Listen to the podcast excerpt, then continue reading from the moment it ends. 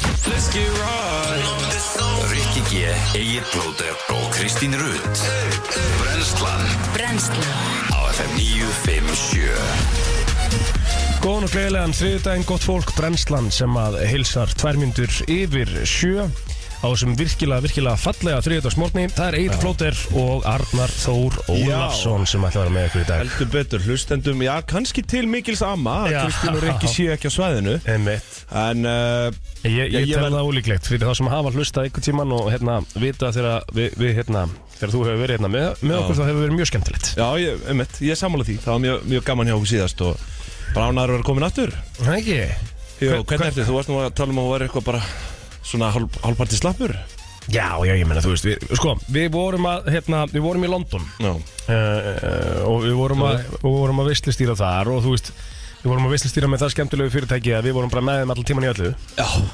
Við tókum þetta bara alla leið algjörlega, algjörlega hérna- Nema þegar þú svafst yfir það á föstudaginn Já, sem að var varst í þú bara rauninni með sem, þeim og- Já, sem að var í rauninni hérna uh, líklega besta ákvörunin, sko eða Já. þú veist, eh, ó, óvænt, óvænta ákvörun ferðarins var það, sko Já. að því þá slapp ég við versta misjón ferðarana sem þið og Aron fóruð í, sko Það Ah. jakka þetta misjónið En þannig að já, Mm. svona það heyrist líka alveg aðeins á röddunum á okkur og svona maður Já, svona, ég er ennþá alveg svona frekar há sko já, Ég var maður, eiginlega bara blístanand á sunnudegin sko maður var syngjandi og trallandi þarna alla helgina En maður á ekki að hérna, vera neitt lítillegu því þetta var skemmtilegt. Þú veit að það er gaman maður. Já, það er alltaf gaman að kíkja til London sko og þú veist sko, þetta var náttúrulega kannski ekkert svona, hvað, svona venjuleg helgarferð sko, eins og Nei, nei. fólk fer í, þetta var bara kersla Já, og þetta er náttúrulega bara þannig að þegar þú ferð í, það gerist allt svo hratt og þú veist sko, þú þart þið langar að hugsa þetta út en þú getur það ekki sérstaklega að þú byrjar bara í, á flugvellinum í Keflavík, skilur við bara að vökva þig já, þú veist, þú þart að hugsa og pæla já,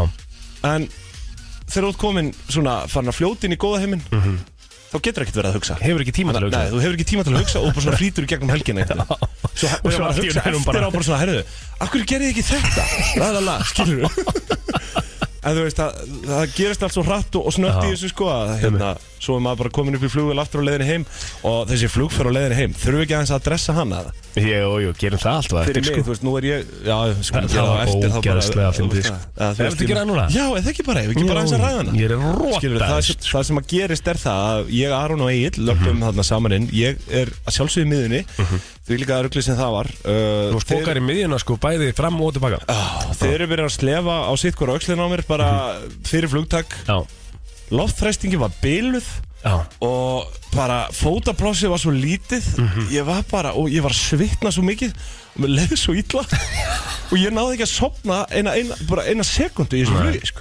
ég held að það hefði rettað mig bara hellinga að hafa náða að sofa í þessu flugi Þa, sko. það er svo gott, þú veist, það þekki allir tilfinningunum að, við, að, hérna, að lendi í Keflavík Já, og lenda við, nei, vakna við lendinguna bara Hérna, svakalegt. sko. Það er bara ok, er það bara nákvæmlega, búið? bara Er það bara búið? nákvæmlega það sem við Aron lendum. Því ég hef aldrei getað sofið almennilega í flugvél sko. Eða, þú veist, Ég er þannig að ég hef samt einu sinni tekið svona kannski h- hálfa flugferð Já. og þá mani hvað mér fannst næs að vakna bara við lendinguna Þegar, þú veist, það er ekkit þú veist, það er aldrei gaman í heimflugi eftir svona ferð, sko Nei, nei, við sem, sko, það var, það var reynda viljandi gert þannig að það var sko seint flug heim á sunnudegi Þannig að fólk var að, svona, var að taka þinguna bara, þú veist, í rauninni ekki að taka þinguna á sig, fattar þú?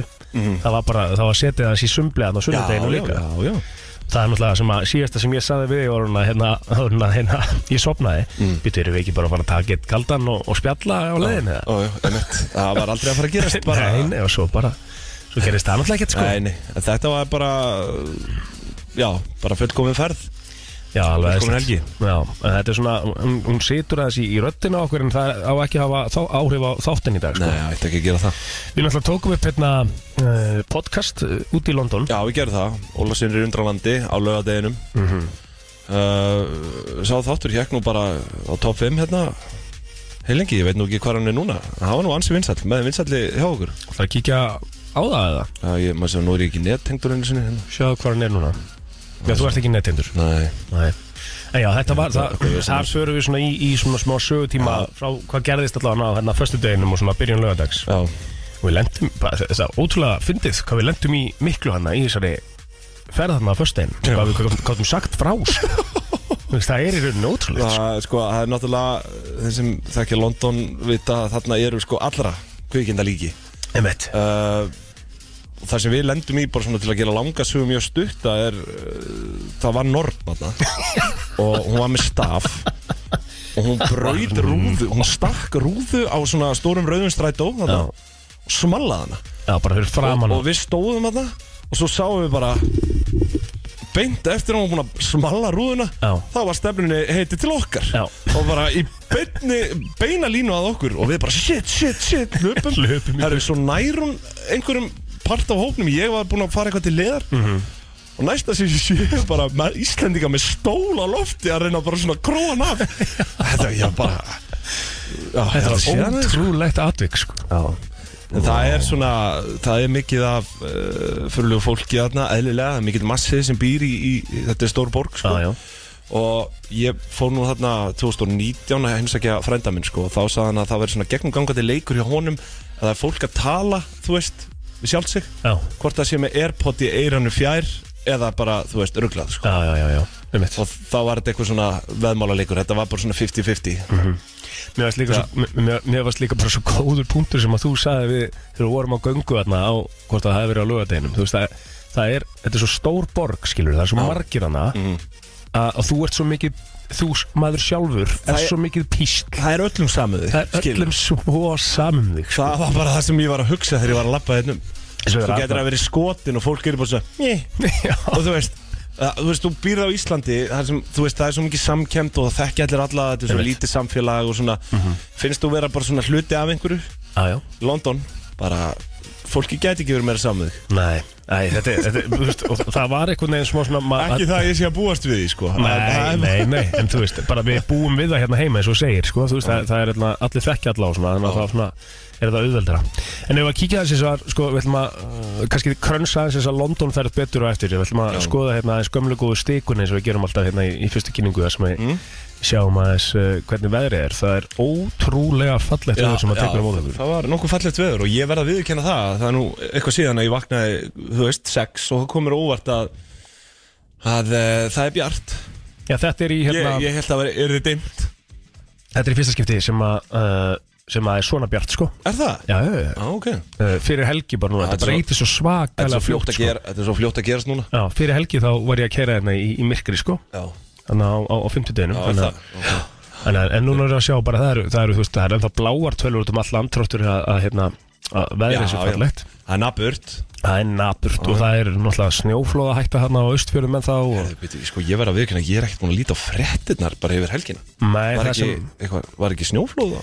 jú, uh, svakalegt snjóflóð sko en Það, það, er, það er engin uh, slasast illa sem betur fer Nei. Þannig að en það er svona búið að vera Það er einn grein hérna, inn á, ein grein hérna sem komin á vísi sind í gær Það sem að er verið að uh, segja frá konu sem að vaknaði við að fá snjóflóðubrennum gluggan heim hjá sér já, sitt Svakalegt sko einmitt. Þannig að hérna þú veist það er svona Og það getur náttúrulega að sjálfsögur líka reynd svolítið á Bara sálina heilt yfir sko ef Þú ferð já, já, vaknar með snjóflóði yfir þér sko En þetta er svona já, já, þú veist emitt, þetta er náttúrulega bara ræðilegu hlutur Já. en ég verð, þú veist bara ef ég fæ að kasta fram pælingu hérna ég sko á rosalega erfitt með að átta mig á því hversu hættulegt snjóflóð getur verið sko. um mitt Skilur. Ég, ég skil alveg pælinguna hérna Já, Þú veist þú þegar ég aldrei lendi í því Nei, og ég hugsa bara svona þú veist en bara með að hver, vinna hversu umfangsmikið er þetta sko Mhm. svo náttúrulega bara fyllir þetta húsi, heilu húsin af snjó þannig að maður getur ímyndað sér þú veist að festast inn í húsi eða með Já, og þá með, snjóflóðið sem- Já, og með þessu náttúrulega eru bara geta verið náttúrulega bara steinar og, Já, já, já, já. og vitleysa sko. Já, já, algjörlega Þannig að hérna, og náttúrulega alla, með alla fréttir sem maður hefur lesið um, um snjóflóð og annað, þetta getur náttúrulega bara verið stór hættulegt Já, já, sko. bara 100% Það er bara annaðis Það hefur nú verið bara, mann falla á Íslandi Já, já, hellingur aði Hellingur, emitt En uh, ég held að það sé nú margir uh, Marga betri leiðir að að byrja þannig morgun og Heldur hann að tala um það? Þannig að ræða það svo sem Það er alveg rétt sko. Ég er inn að komin, Að- að ég, þá ég er orðin tengdur sko Já, að ég þá að gefa þér hérna, að ég þá að gefa þér samt aðeins svona jákvæður fréttir inn í daginn Já, Sko því að það e- eru flest allir, þú veist, eins og, pældu hvað var næs þegar við vorum að lappa út í London, þú veist, það var alveg smá kallt, en það var samt 11 gráðu hiti já ég og þú þurftir ekki að vera í jöklaúlpunni þinni Nei, skilurðu. einmitt. þú kannst bara verið í svona smá skirtu yfir einhvern þægilegan bóla eða eitthvað Mhm. Þetta var svona sama veður og að fake vorið Fake vor nummer eitt kom Svo hérna um komin daginn Já, einmitt Við hefum fake vor 2 eftir Svo kemur vor rétt Já, páskarheitið sem þetta eftir einn kannski í næstu viku Nei, en við erum að sjá, ég er að sjá yfir fyrir í stikuna Þá er að fara að hækka þess heitast á landinu Já, flott, ég fann það bara í morgun Það var, það var nokkuð gott í morgun Hérna á höfuborginni er nú að fara upp í 5, 6, 7 gráður næstu daga sko Mhm. Það gerir Já, já. bara helling fyrir mann Fagnar því sko Já, við verðum að gera það sko Við fagnum því en að ég hérna Já, það Mér finnst alltaf, mér finnst alltaf smá leðilegt þegar byrtir Ha? Hvað meinar eiginlega? Ég við hefum alltaf rætt þetta Ég er svo mikið, þú veist, fyrir myrkrið sko Það er eitthvað sem að, þú veist Finnst þið leiðilegt að vakna í svona veður? Hvað segirðu? Finnst þið leiðilegt að vakna í svona Þetta veður? er ekkit leiðilegt, skilur En ég einhvern veginn svona nýt mín betur sko Í myrkrinu Hvað er þetta? Er eitthvað að ringa inn eða? Nei, Nei, ok, ég er bara þú að varst lækka hérna bettan Já. Nei, ég, það er alveg fólk Ég, ég nefnilega sá þetta uh, Hvort það verið Bubbi sem talaði um þetta Bara núna frekar nýlega Og ég bara, jöl tengi ég við Þá sagði hann sko að hann svona Fyndi einhvern svona aukinn sköpunarkraft Bara í skamdeginu sko Og ég, það er að fullta liði sem er þannig sko Það er náttúrulega rosalega jákvætt fyrir þig sem þú veist, sem Íslanding sem býr hérna í nýju mánu ári í, í, í, í Ég er hérna. bara pjúra Íslendingur sko Ég þrýfst vel í skamdeginu sko Já, já, en þú veist, ég bara elska það sé að byrta til, sko Ég er náttúrulega, ég- en það, ég, þú veist, Já, það- já, við ekki, höfum ekki alveg talað miskilum um mig, það. Mm. ég elska, þú veist, júni og júli þegar bjart allan sólrengin, sko Já, ég, ég, En sem, þetta er alltaf svona, þú veist, í, í þessum skiptum, þessum Mhm. ljósaskiptum, sko Þá svona er ég alltaf bara svona, að, ég mér sakna veitursins já, ég er samt ósamlegaðir, sko með, Reyndar ósamlegaðir með líka bara m- Mér finnst þetta alltaf næs svona fyrstu Tvær vikurnar af, sko, þá er ég að tala um byrtu á næturnar, skilur Mhm. Það er ekkit, það er auðvitað ekkit næs En mér finnst næs að vakna í byrtu Mér finnst næs að fara heim í byrtu Mm. Já, Svo má alveg koma hérna þegar líða frá kvöldi þá má alveg koma smá svona dimma og maður sefur ágætlega sko. Já, já. maður sefur náttúrulega alveg en svo er Hræðilegt. náttúrulega stjörnu áhuga fólk, stjörnu skoðunar áhuga fólk getur tekið upp gleði sín í kvöld þar sem að það er, eh, það er sem sagt, fimm plánetur, uh, reikistjörnur sem að raða sér upp í innan við 50 gráðu svona angúl á himnum í kvöld Mhm. og þetta er sem sagt Júpiter, uh, Merkur, Venus, Uranus og Mars Er þetta Svona einhver- er taka þetta það fram. eitthvað er þetta eitthvað svakaleg sjón eða? Já, þetta er sjónaspil, það er alltaf sjónaspil að sjá reikistjörnur Og svo, með þess að getur séð Mars, hún er alltaf svona, þú veist, hefur aldrei séð Mars á himni Eða svona spottað Hvað mennur eiginlega? Mars er, hún er brún, sko, þú getur séð stjörnuna, hún er brúnleit, sko Já, með, með, með sem sagt svona sjón, þú veist, aukaði það Nei, ekki bara þú getur séð með byrjum augum, sko Nú, Hún er svona rauðari heldur en aðra plánundur, sko heldur en aðra stjórnir sérst sem að horfa upp í Já, heldur en aðra stjörnur, já, Já. eðlilega.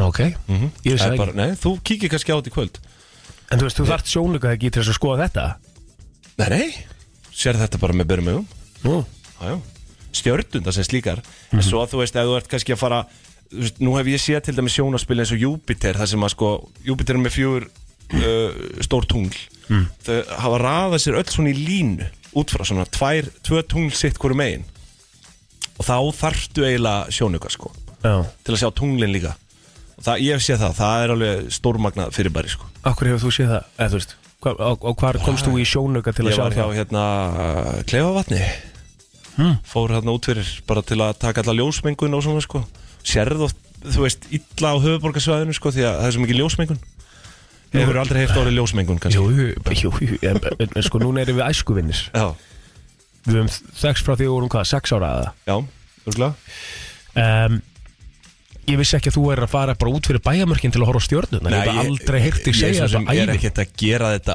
oft Ég hef gert það Af því að þú heyrir og sérði einhverja fréttin á stjörnuvefnum eða, og Já, já, þú veist, ég er náttúrulega með app sem heitir Starwalk, sko Og það er, hérna, þar kom alltaf tilkynningar Það heitir mér þess að Starwalk 2 ah, En það er stórmerkir þetta uh, smáfórið, sko Þá getur þau beint í svona upp í himinin og, og sérðu, sko Og með hún location, segir bara hvaða hvaða stjarna- stjarna er hvar og, og svona Stjörnumerki og annað, sko Það er enda sniðið Já, já, það er það Það gerir kvöldgönguna miklu skemmtilegri Mm. Einmitt Er þú ekkert í kvöldgöngunum með það? Jú, jú, jú Eða þú veist, minna núna sko Kvöldgóngan var náttúrulega rosalega mikið sem að maður gerði bara Ég og Telma fórum saman út með nölu, skilur Já, einmitt það er ekki bóði lengur sko. sem Nei, er svona smáða nei, nei. sem ég sakna mest sko, því að við getum, Patrik náttúrulega sopna bara um, um sjö, Einmitt það var alltaf eitt sem að, uh, þarf að eh, vera heima Þannig að það er hefa svolítið dott út og ég sakna þeirra sko Mhm. Já, var ekki gott að koma heim að knúsa patta sinn Jöfnlar að gott maður Já,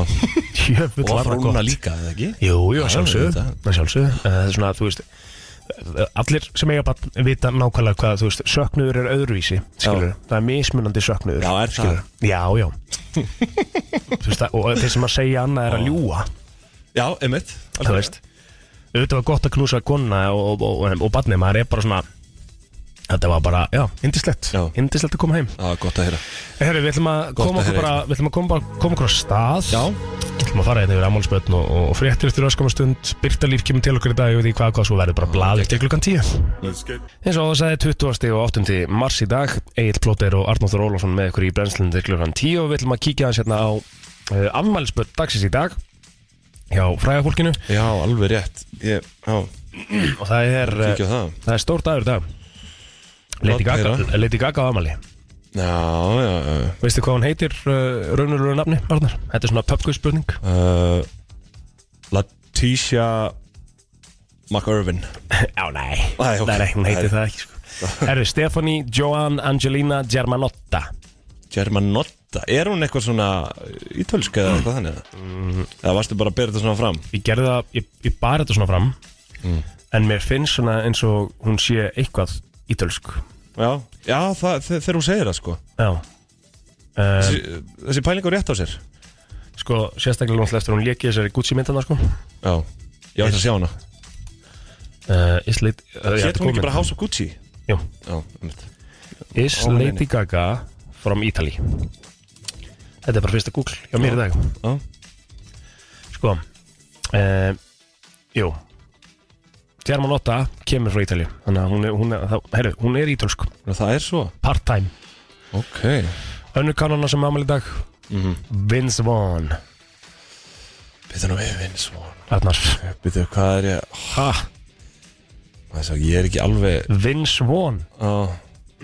Dökkur er stór leikari Dodgeball til dæmis Já, já, já, já, já, já, já, ég þekki hann Já, já, já Og meira til Einmitt, hann hefur, já, hann hefur verið í svona mörgum sko, myndi maður ekki segja bjömyndum Vince Vaughn Já, Nei Jæst, jú ö- ö- Líka En Vince Vaughn er alveg bara svona já, já, hann er alveg household name þannig Já, en, já, já. En, en hérna, já, hann hefur verið alveg í svona slatta bjömyndum sem ég man eftir allan Hann er alltaf bara búin að vera sko Það er náttúrulega Hann er búin að vera Það var í Dodgeball fjandinn hafið það Sem er geðveik mynd, það er ekki B A- mynd. það er ekki A-mynd Það sko. er A-grínmynd sko Já, já, ok Dodgeball. Já, en þú veist, grí, þessar grínmyndir flokka samt aldrei sem eitthvað svona A-myndir Þú veist, þetta fer ekkert með Titanic, sko Nei, það, en það er náttúrulega bara, þú veist, þá ertu bara að byrja að tala um kategóriur, Já, skilur. En þú veist, ég er að segja, hann Hefur maður einhvern tímann séð hann í þannig Hann var vissulega í hérna Band of Brothers Var það ekki það? Var hann ekki í því það? Jú.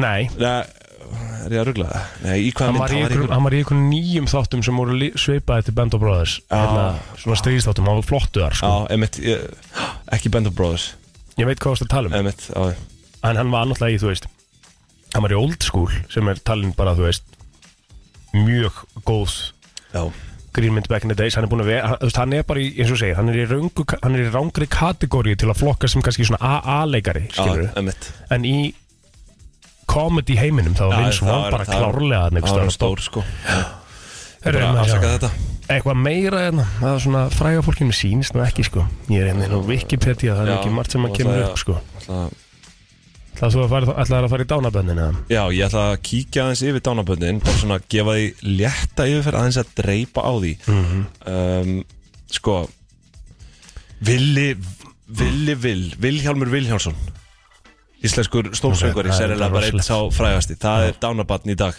sem var náttúrulega alveg ferlega sorglegt hann uh, lést held ég að með minnir í hvort það hefur verið í Luxemburg í bílslisi Emmett sem að, hérna, já og það var þjóðasorg, mikil mm Mhm. og ekkert annað kannski neitt bitastætt hérna, sko ekki í dánabönnunum Það skulle bara kíkja yfir á Facebooki og, Já. og fara yfir ammalinn þar Einmitt. Herru, og það er nú bara eh, efst á blaði hjá mér eh, Ég hrefna Lindsdóttir, frænka mín já, til Hún okkur með á hana ammalinn dag, já, takk fyrir það Eitthvað hjá þér? uh, ég bara finn aldrei þessi ammælisbönn, sko Þú, þú og Rikki hefur það saman, þetta Eh, er eh. Rikki gerir þetta á hverjum degi og finnur þau aldrei ég, bara, það, ég er alltaf að býða eftir að þetta komi upp í notifications Nei, nei, þetta er bara en hægra megin á Facebookinu já, þínu, skil- það er ekkert hæra með henn á Facebookinu mínu Ha, Nei. ok, þá á bara greinlega engin ammæli hjá mér prófa að sörtsa birthdays í barnum hjá þér Já, það er kannski Kannski góð pæling En hvað, er þetta eina? Já, Já, Ok ég er bara að byrja að Já. skoða þá Birthdays eh, Þetta er samt stór dagur í sögunni sko En við, bara við býðum aðeins eftir þér af Því það er, hérna, það er reisastórt atrið sem átti sér stað á þessum degi sko Já, það er, Reisatrið jú, það er alveg hellingurinn Já, já Uh, það er sko það eru nýju manns ég reynda að þekki nú ekkert sérstaklega stóran partaði menn það er einna Átni Páll eh, Hatharsson Mm. góð vinn minn sem vann með mér eh, hjá Nova hér um árið og sko honum að sjálfsögðu innilega til hamingi mikill meistari Já, til lukku uh, uh, Jú, Helga Björg, frænka mín 58 ára gömul, uh, innilega Helga ég var stórlega þó þú sért að hlusta Emmett en uh, já, þá er Það fær kannski veður af því að, að frændinu Já, hafi ekki verið einmitt. ammaliskvæði í útvarpinu Einmitt. En uh, fleira er það eiginlega ekki Svona að því sem ég þekki Sýns mér Á þessum degi 2019 Mhm. Íslenska flugfélagi VAR varð gjaldþróta Já, já, það var á þessum degi Ég man vel eftir því Mhm. Þetta var Þá svakalega hækkuðu hlutabrif í Æslandeir sko Já Alveg upp úr öllu valdi Áttur þá í æsera Nei, Mani En pældi ég þetta Svo leiðilegt, þetta- þetta þetta var svo leiðilegt þetta fór á hausinn sko. Mm. Svona sérstaklega ljósa þess að bara Það var stemmingin og náttúrulega- stuði í kringum þetta það var var ákveðin gýrun Þetta í gangi Já, Var þetta ekki nýfarið á stað til Indland Indland og það var kannski svona sem að var var það ekki eftir ekki það sem að feldi félagið eða, þú veist þeir eru voru að fara Án þess að þekka það nákvæmlega En þá held ég að það sé svona Hafi verið svona fulland Fulland mikið gengið sko bjartsýni. að Þú veist, frá Íslandi að fara að vera með Var þetta ekki bara dag Nei, var þetta dagleg flug til Indlands Nei, þetta var, fjandi Nei, þetta nei, var nei, eitthvað nei. svona fáránlegt sko. Já, Max það- tvísvar í viku Já, sem að er samt og mikið sko Já, Myndi maður halda með En, hérna, En það komið Nei. svona, það komið svona smá gýrun bara svona aftur, þetta er svona uh, play er bara Váer 2.0, er það ekki? Ja. að, já, þú veist Er þetta ekki svolítið samstemmingin? Það er kannski verið að stíga aðeins varlegra til jarðar sko Já, En uh, þú veist, þetta er náttúrulega byggt bara á sama eða svipuðu módeli sko já Svona í grunninn Gast ekki hringt í Váer eða þú löndir í vesinni það?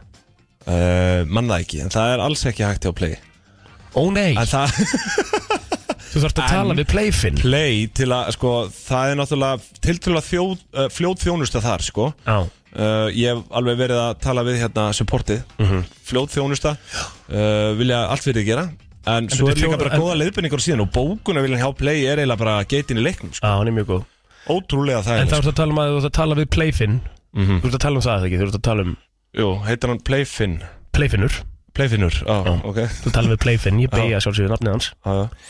En hérna, þ- þú ert að spurja hann Sko, ég- ég lendi einu sinni í að Ég þurfti að spurja hann tíu spurninga eitthvað Já. Þá fekk ég númer, sem sagt hjá einhverjum þjónustæðar Playfin Já. Þú fjagst, það er tilnúmer sem sagt Já, Og ert, vist það eru það ekki bara hjá þeir eða? Ef þetta er svona mikið hjertansmál mæ, Nei, auðvitað gerði ég það það ekki er ótt að gera það sko Já, já, Það er ekki, að ég hérna, hef aldrei hringt það inn sko næ En uh, supportið er vissulega gott Á þessum degi 1999, Arnar Já. Teiknmynda þættirnir Futurama hóðu göngu síðan Já, Við erum nú ég ekki, hef ekki verið að Nei. horfa á þá sko En hefur þú, þú varst ekkert að horfa Varst þú að horfa mikið á South Park eða? Nei, Eða svona aðra en- Ah, teiknmynda þetta Eða Simpsons eða þú veist Já, ég var daldið Simpsons þegar ég var yngri En sko, South Park Sko, ég hef aldrei hort á þetta eitthvað svona Þú veist be- bend, Svona, hvað sem maður Allalega svona Eða í Svona gegnum bara og- hámhort á það, skilur Nei, nei. En það sem ég hef séð af South Park Er bara eitthvað að finna sem ég séð, sko Já, já. Vist, Ég hef dottið inn í svona einn og einn þátt, sko Þeir grínast ekki þar, þeir taka bara allt fyrir Og svo grín, það, leiðis sko Þetta grínast þeir En Já, þú þú veist veist, hvað ég á þeir- við, þeir þeir nei, svífast einski, sko Já, já, já En svo var eitthvað svona heimildaþáttur sem ég sá eitthvað aðeins úr sko, þá er þetta bara alltaf þannig þeir taka bara viku, búa til þátt takan upp og, og svona, þú veist, þetta er ekkert gert bara í eitthvað svona tímanum. fram í tíman Nei, það er bara þess að vera bara eins körrend og já, geta mennur já, það er bara þannig sko og það er aðdáðan og verð Þeir taka sko helstu hitamál samfélagsins bara á- Já, já, og strauja þau sko svoleiðis stöðaði sko. en Futurama er líka sko að því að hann byrjaði nú á, á þessum degi þá, þá er það- sko, það er trúabræð fyrir mörgum sko, Já, er það bara margir sem Já, elska þess Það að er þetta ekki sko. að brjála þeir að, að, hérna, að hlusta núna sem að heyra við, sko, já, ég hef bara aldrei Ég, ég vissi ekki að þetta var tegnumynda þættir sko nei, þú hefur ekki, þú hefur ekki hirt af þessu Jó, ég hef heyrt um þetta sko Já. Ég vissi ekki að þetta væru tengmynda þetta Nei, nei, það vissi ég ekki Nú. Nei, nei, Stórdagur 1797 Ok. Engaleifi fjagst fyrir fyrstu þvottavélin í bandaríkunum Djúvöldi, Ah, þvottavélin what? gömul ok Það 1797 hefur einhver guðvél Já, það Það er ekki verið svo sem maður er í dag Nei, sko. nei, nei, nei En hérna, en satt magna Ég hérna, hefði haldið að þetta væri töluvert yngra, yngra uppfinning Sko hér er hérna sko krímstríðið Bretland og Frakland sögðu rússum stríð á hendur Sko, þú veist, þetta er bara 1854 sko Mhm. Þetta er, já, það er bara svo Það er svo stutt síðan að Segðu bara mér meira Evrópa frá var þessu. öll bara logandi sko Mhm. Nei, nei, þú veist, ég veit svo sem ekkit, ekkit meira um það En maður er bara svona að velta þessu fyrir sig Hvað er stutt síðan að bara Evrópa, þú veist Svona alltaf bara setja heimstyrjöldin skilur Já. En Þú veist, það, maður þarf ekki að leita mikið lengra aftur Bara þannig að Bretar og Frakland voru bara í blóðugu stríði sko Nei, nei bara vinna þjóður í dag sko Hvernig var þors, þorskastriðið? uh, var það ekki bara 50 eitthvað eða hvað uh, Uh, allavega ekki á þessum degi nei, það var árum 58 til 76 Já, einmitt. Voru háð þrjú þorskastrið Já, já. sér það Eina stríði sem við höfum tekið þátt í, eða ekki? jú allavega svona í, í Og við unnum setni tíð sko Við erum með 100% rekord í stríðum já en það má guðið vita að hér voru stríð áður sko á milli, milli ættflokka á Íslandi Æ, ég ætlar að, já, meina það já já bara hérna, störlungar og allt þetta sko Já, já, og þú veist og það það var auga fyrir auga, tönn fyrir tönn sko. það er nú bara ótrúlegt að það hefur náða að binda enda á það sko. það rugl það var bara, ef þú drafst ættinga minn þá var ættingi þinn drefin eða þú drefin eða hvernig sem það er sko. og það bara gekk þannig í fleiri hundruð ára á milli ætta hérna sko. ömmit Herði, já, við erum eiginlega búin að tæma okkur þarna Við erum komin alltaf mikið í plus líka Við erum Nú ekki í erum podcastinu við hérna konur í plus, ég fór að hugsa djöð við þurfum að finna eitthvað fleira hérna Nei, nei, við skuldum auðlýsingar hérna fyrir 8 mínútum hana Þannig að við þurfum að koma okkur á stað Skulum við gera það. Það er frétta yfirleitt eftir öskum stund Frétta yfirlit í brennslunni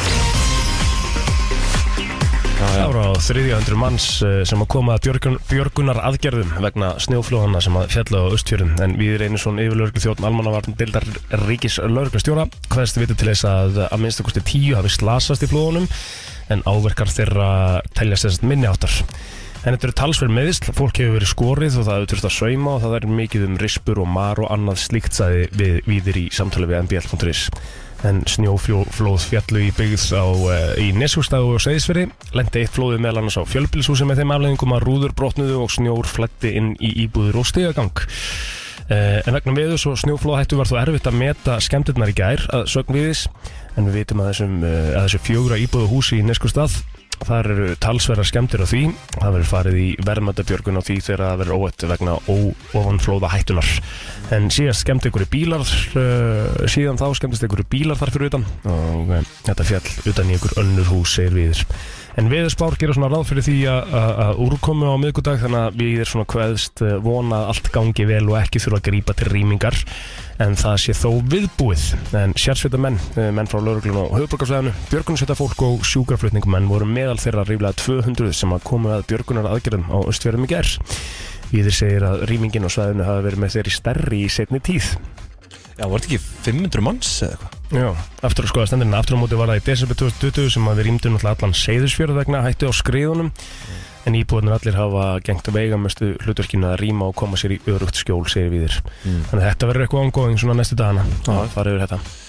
Já, þetta er ekki gott, þetta er ekki gott. Uh, ég er nú með hérna frétt sem varst áhugaverð, uh, hnupluð reyðu fyrir að ferðamönnum með útsmóginni aðferð. Uh, kemur hérna fram uh, á rúmu mánuði hefur þjóðgarðunum á þingvöllum borist upplýsingar um fimm vasaþjófnaði á, á hakinu. Nú? Já, það er hakið. Er það ekki hérna pallurinn hann það? Já. Og Ég það held eru það. stöðum í almanagjá þar sem mannmerl er. Í tilkynningu frá þjóðgarðunum kemur fram að eh, tilkynnt hafi verið um þrjú atvik í februar. Þá voru tvö atvik um helgina og í morgun Einhver atvikana hafa verið tilkynnt til lauruglu Mhm. Fram kemur að eh, þjóðgarinn á þingvöldu reyni eftir fremsta megni aðstóða lauruglu En að auki vera sett upp tímabund skilti til að minna gesti á að gæta að töskum og munum sínum Þetta er reyndar sko áhugavert Því að svona vasanupla á Íslandi Þetta er nú, hefur nú ekki verið algengt held ég. Mjög lítið hirtum og, allavega. og talandum, þú veist, að vera svona lítill í stórborg eins og við vorum að ræða í morgun sko Já. ef að einhver er svona hnuplaðaðir þá ertu bara on your own sko. já, að hérna á Íslandi samt, þú veist, þá er þú, þú er svo nálægt lauruglun einhvern veginn já, þú veist, líka við bara fólk þekkir einhvern veginn inni og bara svona, herðu, hérna geta græðið einhvern veginn maður ekki líka þegar við sög, sögðum innum frá því hérna á Chicken Hub, já, starfsmannum með værum frá Íslandi já, hann alveg, já, no Já. crime og einmitt, hann var bara, it's very safe Já. og það bara er hans fyrsta hugsun um sem Ísland er bara svo rétt, sko, en Já. þú veist, þetta er náttúrulega auðvitað, svartu blettur á það, sko, en, já, já. en uh, en Það er þetta er nú alveg ekki rétt, mikið- maður, maður er nú lítið hýrt um það að hérna, fólk sé að lenda í að vera rænt innan landi, sko einmitt, en þetta er vantilega hér eins og allstæðar annars þar já Herru, Já, Európa-deild Karla í handbólta er í aðalhuturki á Rásum stöðu 2 sport í dag Það er Herru. síðara leikur 16. og úslita kemnunar Og það er uh, útsending sem hefst klokkan 18.30 Það er leikur Göttingen, Göttingen og Vals í Európa-deildinni einmitt, En heimamenn uh, hérna í Göttingen er náttúrulega góðan sigur hérna á hlýðarenda Mhm. Og Valur uh, þarf öll að líka um að spila sinn besta leik á tímabilinu til að komast áfram í næstu umferð Já. Svo klukkan 15 mínútur yfir 8 þá verður leikurinn gerður upp Eh, Það er nú ekkert mikið meira í, í sportinu að Já, kíkja sá- aðeins sástu hérna fyrirleikina Já, ég sá svona sm- sko part á hann já, Misti þetta svolítið niður í þvælu hann Þetta er lokin, valsmenn já, en það málega var, var hann eitthvað, já, ég nefnilega mistaði hann sko ég, mm, Nei, í rauninni ekki sko En Nei. göppingan spiluðu bara fáránlega vel Mhm.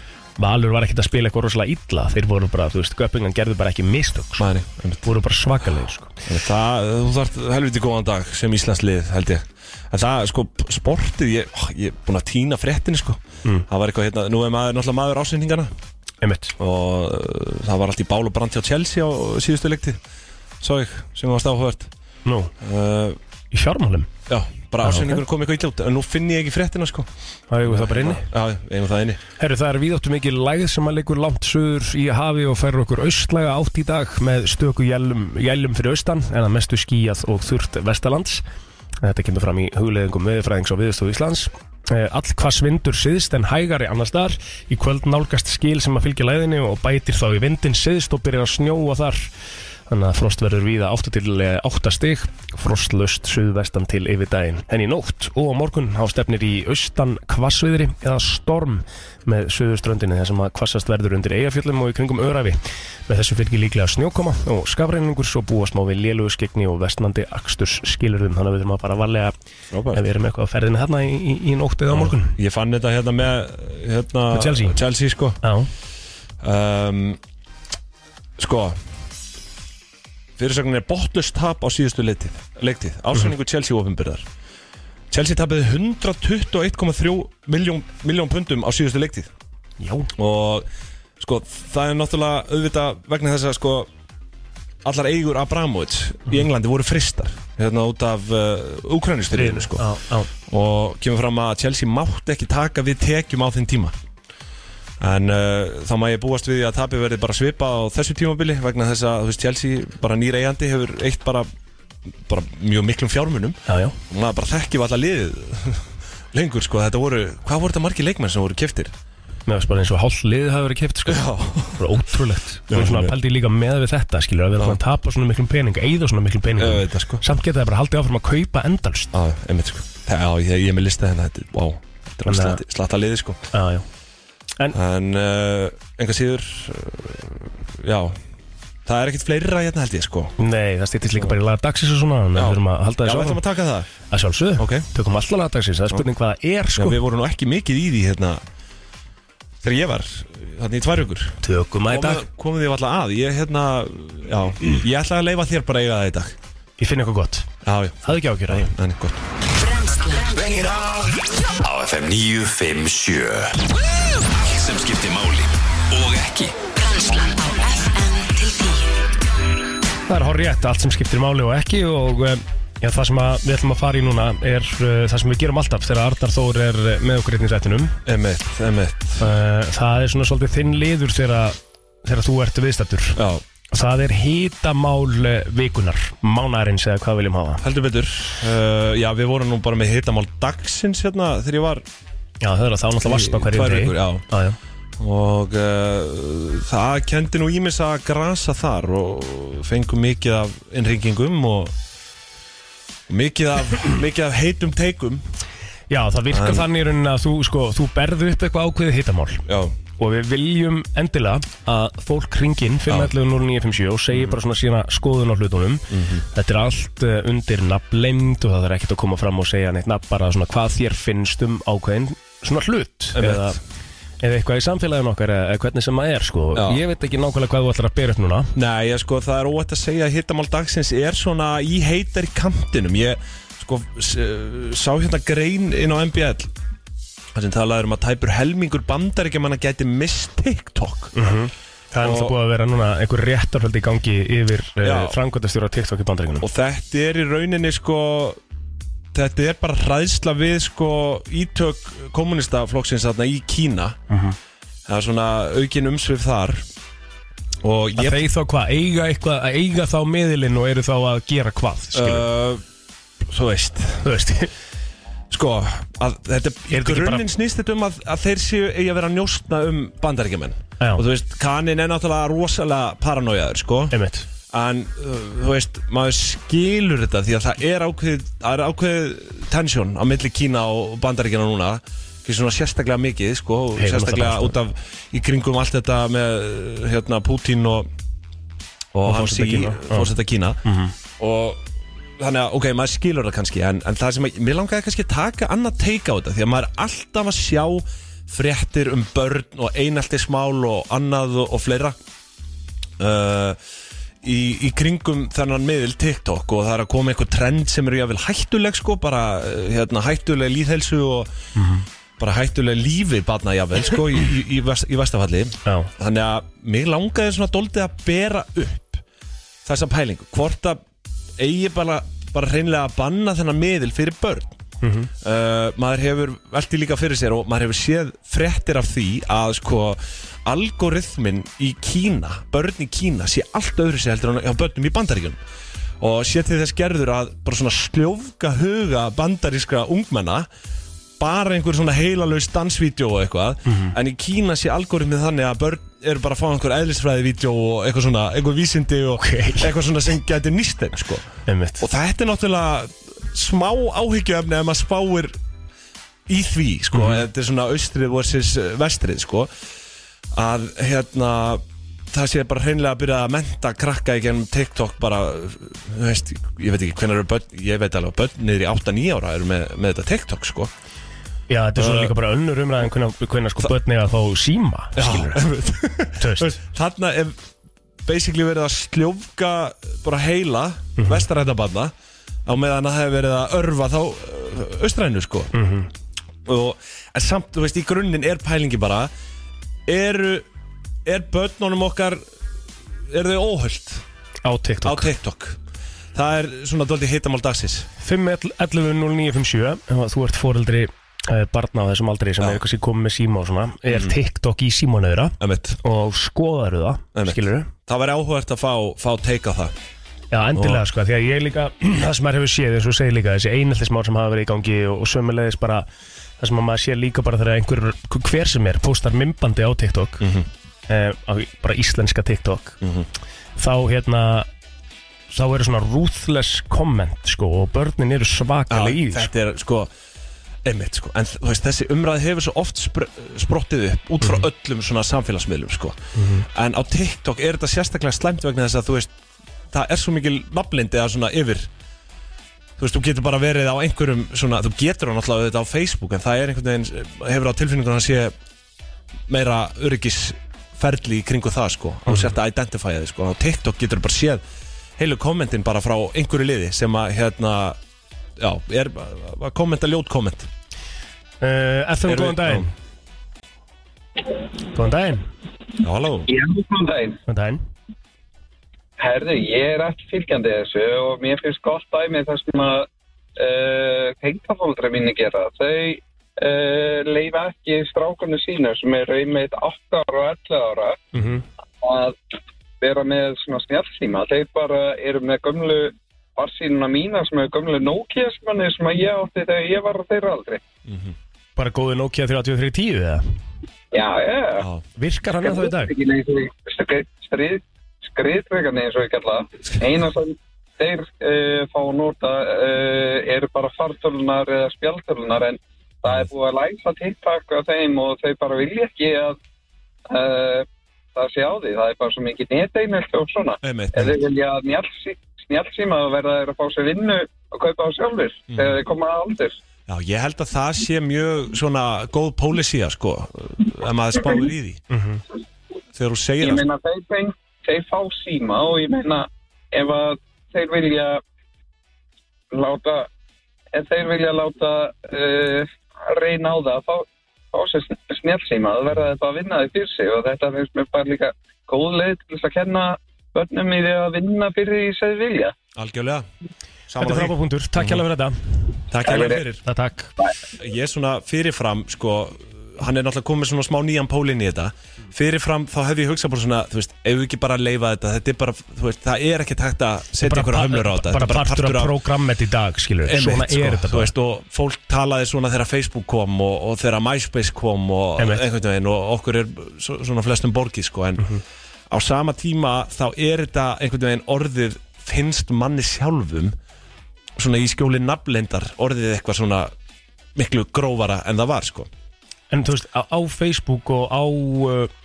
þessum svona eldri miðlum sem er nú ekki ennþá orðnir gamlir Mm. Nei, en nei, samt nei, sem nei. Mm. aður, þú veist, á þessum eldri miðlum þá var miklu erfiðara að búa til fake profil, einmitt, sko. skilur Það er sem ég er að segja og það er ekkert mála einhver býr til bara eitthvað user 2, 4, 5, Nei, 8, einmitt, 9, já. 10 þúsund Getur bara gert það sem hann vill og það er ekki f- séns að rekja það sko Nei, og, það er, og TikTok gerir ekkert í því skilur Nei. varandi það að- að eitthvað mymband blowin up skilur og það er augljós svona spamreikningur á bakveða Einmitt, það einmitt skiptir einhver máli Nei, þú nei, veist. einmitt sko það, það er kannski svona, finnst mér stefna sem að TikTok Mhm. getur þurft að laga ef það er alltaf að lifa lengra lífi sko. en Einmitt. þetta er svona það sem ég hef áhugir af sko, ef ég horfið til bara barnsins minns mm Mhm. ég hef áhugir af þú veist, e- þetta, þetta open AI hræ, ræðir já, mig en- sko. já, já, en þú veist, býttu bara, skilur, við erum að fara að fá sko, ætla, virtual reality Mhm. mun verða svo klikka bara eftir nokkur ár, sko sérstaklega með tilkomið gerfugreindar já. við erum að fara að sjá eitthvað sem við höfum, þú veist, bara eitthvað alveg gjörsamlega nýtt, sko Mhm. bara svona, þú veist 100 ár fram í tíman dæmi sem þú hefðir hugsað bara fyrir nokkrum árum, sko Mhm.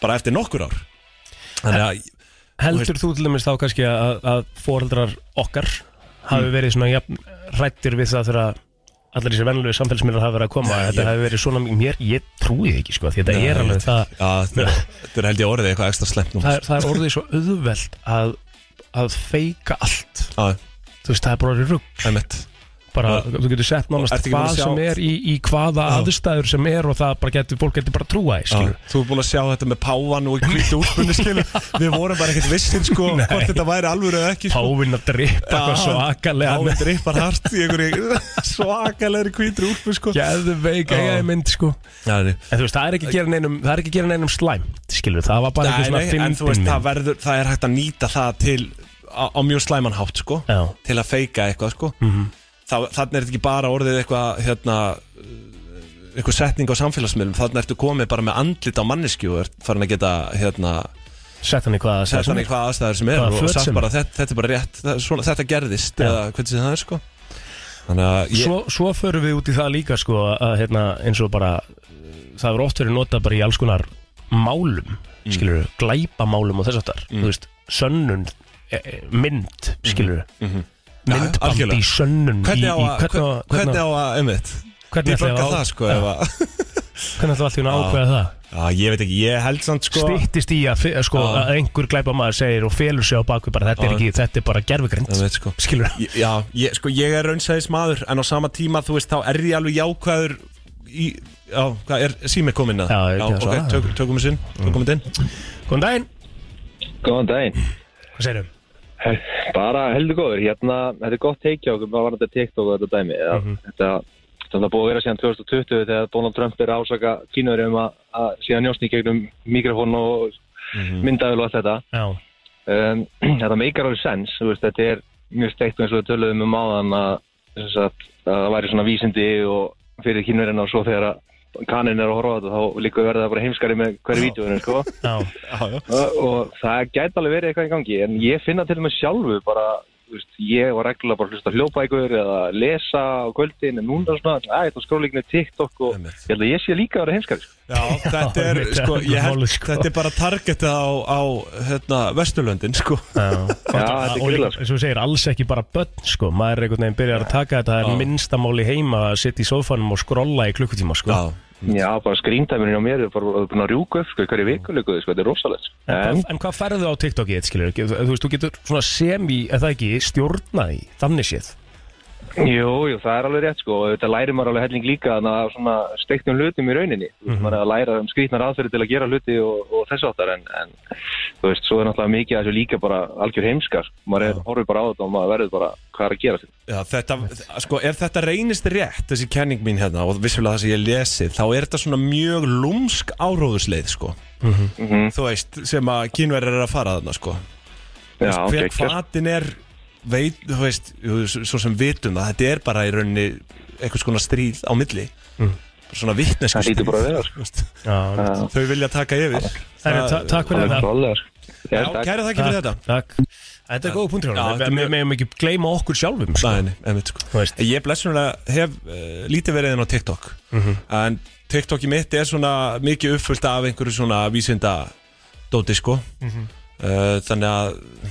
sem á að ebla þig Já, eða þú já, veist, en, en- þú veist En það er náttúrulega bara út af því að ég hef verið að searcha það alveg frá upphafi sko Það Ég hef er sagt kannski- hérna frá því að TikTok er mitt svona 90% matur Já, ok, það er nú alveg uppskriftir Það er nú alveg svona þokkælega uppbyggilegt sko Já, ég bara, þú veist, þessi, ég bara gaman að elda og Já, ég bara, ég- eiginlega svona allar, all flestar mínar uppskriftir sem ég finn í dag sem ég elda heima er, ef það er ekki frá eldum rétt, það er á TikTok uppskrift, sko. Mhm. Já, einmitt. En maður veit svo sem ekki hvernig þetta er í bandaríkjunum.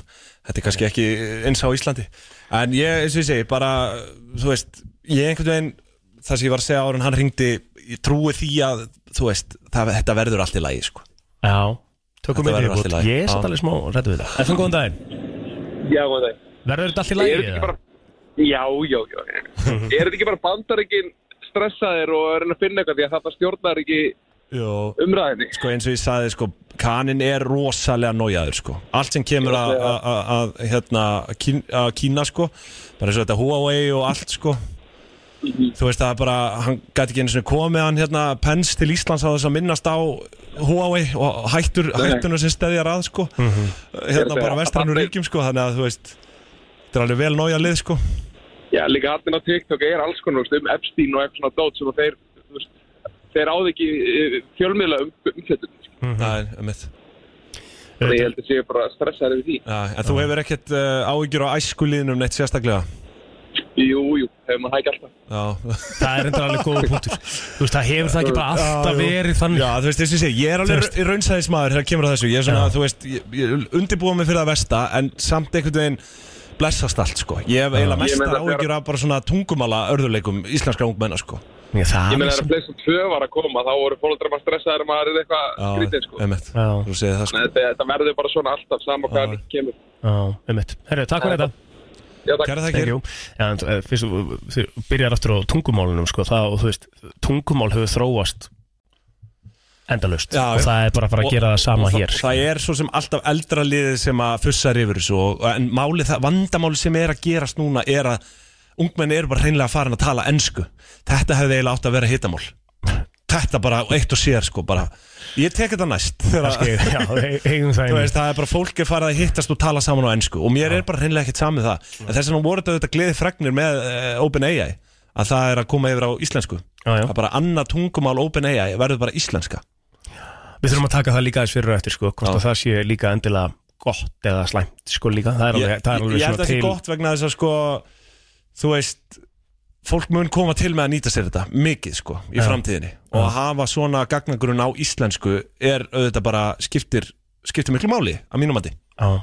Kuk- Sko, kíkjum kannski aðeins betri yfir og eftir við Já. skuldum hérna aðeins, við förum Já. hérna í eitt tölu og svo höldum við áfram með brennslan til klukkan tíð í dag Brennslan á FM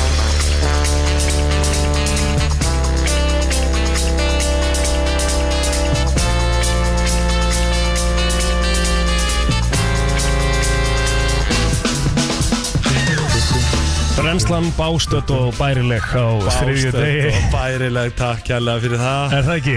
Var hún Já, ekki við- bástödd og bærileg á Það þriðju hefði degi? ekkert verið að nota þetta neitt Nei, mjög, lí- við höfum í rauninni bara verið að nota bástödd og bærileg og björt og brostin, brostandi sko. Já, En við erum bástöndur og bærilegir Það Já, er eftir, já. eftir hörku helgi í London hjá okkur fjölunum Já, herri, svo byrja að nefna að við erum ennþá sko því að við vorum að tala um þáttin okkar hann er búin að hangja inn á topp 5 hérna alla helgina sem sagt Ólafsinn er í undralandi Já, þeir sem að voru að stillinu voru að vakna þá, þá, þá, erum við hérna Egil Blótur og, og Arnar Þór Ólafsson með ykkur til Einmitt. tíu í dag Heil og sæl Já. En þátturinn er sko ennþá núna á fjórða degi í uh, sjötta sæti Æðislegt Já, ég meina við, voru, við vorum að Þannig hérna, að þið getur farið og, og, og skrifað eh, London Special X Air Bloater inn á eh, Spotify eða Apple Podcast eða Podbean eða hvað sem þið eru að hlusta á þetta Mhm.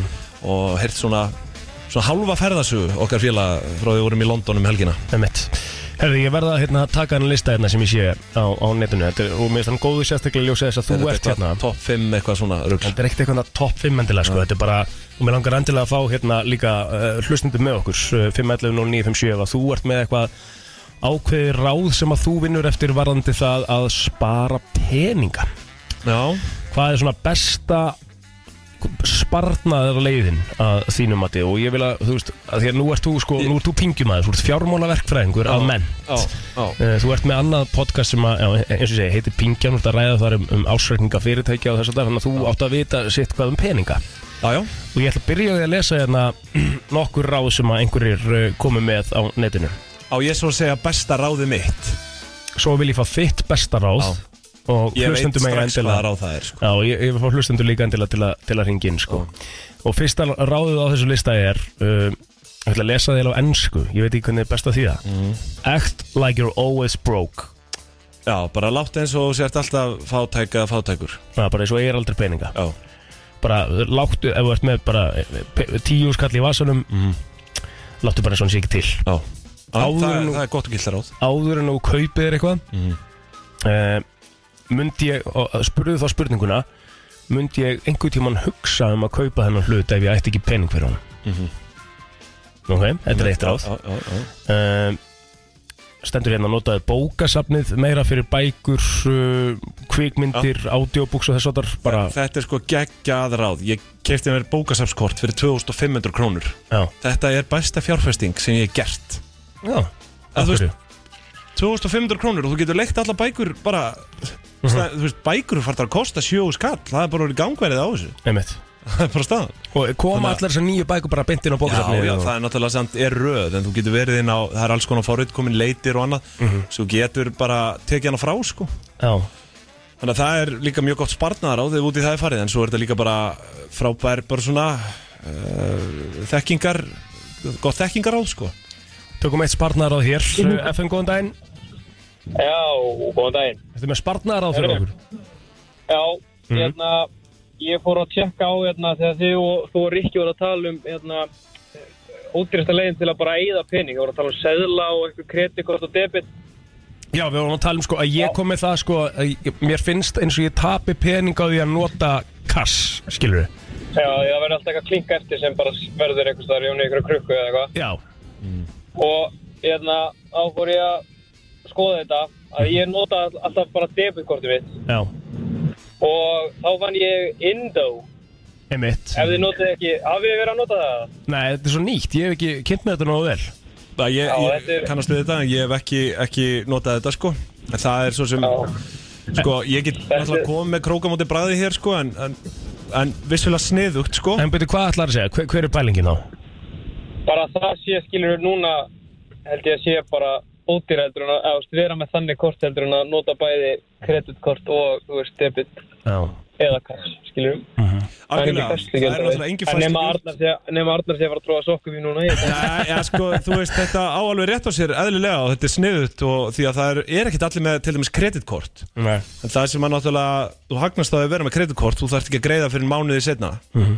þannig að þú ert í rauninni kannski að má segja bara vaksta frýri neyslu í mánuð um, á meðan gætur gengt peninginin á ha, þú veist, vakstabók sem er herri, sko heldur en ind og býður upp á en að þú veist, það er alltaf svo sem, þú veist, en svo er ekkit allir sem nenna að spá í því, skiljið Nei, og þú veist, taka, þú, þannig að tænlega séð eftir að ávasta peningi meira inn á kannski einhverju vakstabók sem þú getur síðan tekið út af og greitt uh, hérna kreditkortareiningin mánuði sí- síðar sko Hefur- Hefur hefur ekki fólk slent í vesinni með það að vera að eyða pening sem það heldur eigi og síðan Já, þú fyrir alltaf veist bara það, eins og ég segi, fyrir að sko. borga alltaf mikið út af því að halda Einmitt, sko. fyrir bara að strauja kreditkort og Kreditkort. síðan Einmitt, sko, kreditkort er auðvitað ekkert fyrir alla sko, en þetta er, í rauninni, þetta er eh, það, það sem er þetta ráð sko, Mhm. svona sparnaráð sko, að, að, hérna, en svo er ekkert allir sem hafa bara hemil á sér, það er Nei. bara þannig Nei. þannig að fyrir, fyrir þetta er Indón alltaf bara briljant uh, að vera bara með debit vaksta, hérna, með betri vöxtum og ekkert fæslugjald Já, ég, fó- ég pældi að bara í því sko, bara fæslingjöldi nú líka að setja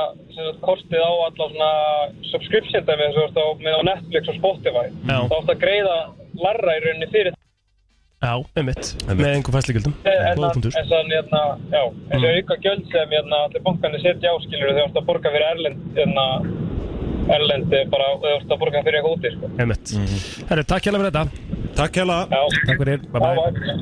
þetta er, þetta er góð punktur Indó er náttúrulega fyrir mjög marga, bara frábælust Já, ég þarf að hérna, bara kynna mér það betur, ég þekki bara ekki nóg vel En uh, að því við vorum að ræða þessi hérna kreditkort þá stendur líka á þessum listaðin að, að ekki kaupa neitt á kreditkortið þitt sem þú gætir ekki borgað uh, út á sama degi Mhm. þar að segja stendur inn, en líka bara að kreditkort er ekki vond skilur, þú veist yeah, credit cards are not evil Mhm. Nei, sko, náttúrulega kreditkort í bandaríkjunum gegna allt, allt öðrum tilgangi heldur en hér heima, sko. Þú veist, upp á svona kreditskor og fleira, sko. Já. Það er litið svo mikið á kreditskor í bandaríkjunum. Mhm. Er það ekki gert hér?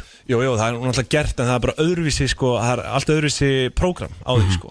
Þú veist, þetta er, þetta er svona í einhverjum tölu, þú veist, það er talað um að vera bara með 900 í kreditskor og svona, en þú veist, er, að- að vissu leiti er þetta líka gert hérna heima, sko. En þetta er svona meira kannski umræðinu erlendis. Annars barnar að orðinu við förum í þitt Já, já. um, og þetta er bara svona e, eitt svona sem er gott svona að loka á þessum lista ef þú ert góðin í ykkur, ekki gera það frýtt Mhm. Einmitt, já, það er punktur, sko.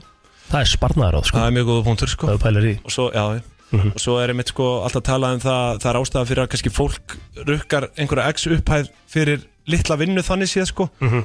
og einhver pyrra sig á því en fólk verður átt að þarna liggur kannski 20-30 ára reynslaða baki sko Einmitt. það er ástæða fyrir að ég get gert þetta fyrir það á hálftíma en ekki á áttatímum sko Mhm. þannig að hérna, hafa það líka í huga að þú ert að borga meira fyrir reynslu sko borga ykkur þjónustið já, já.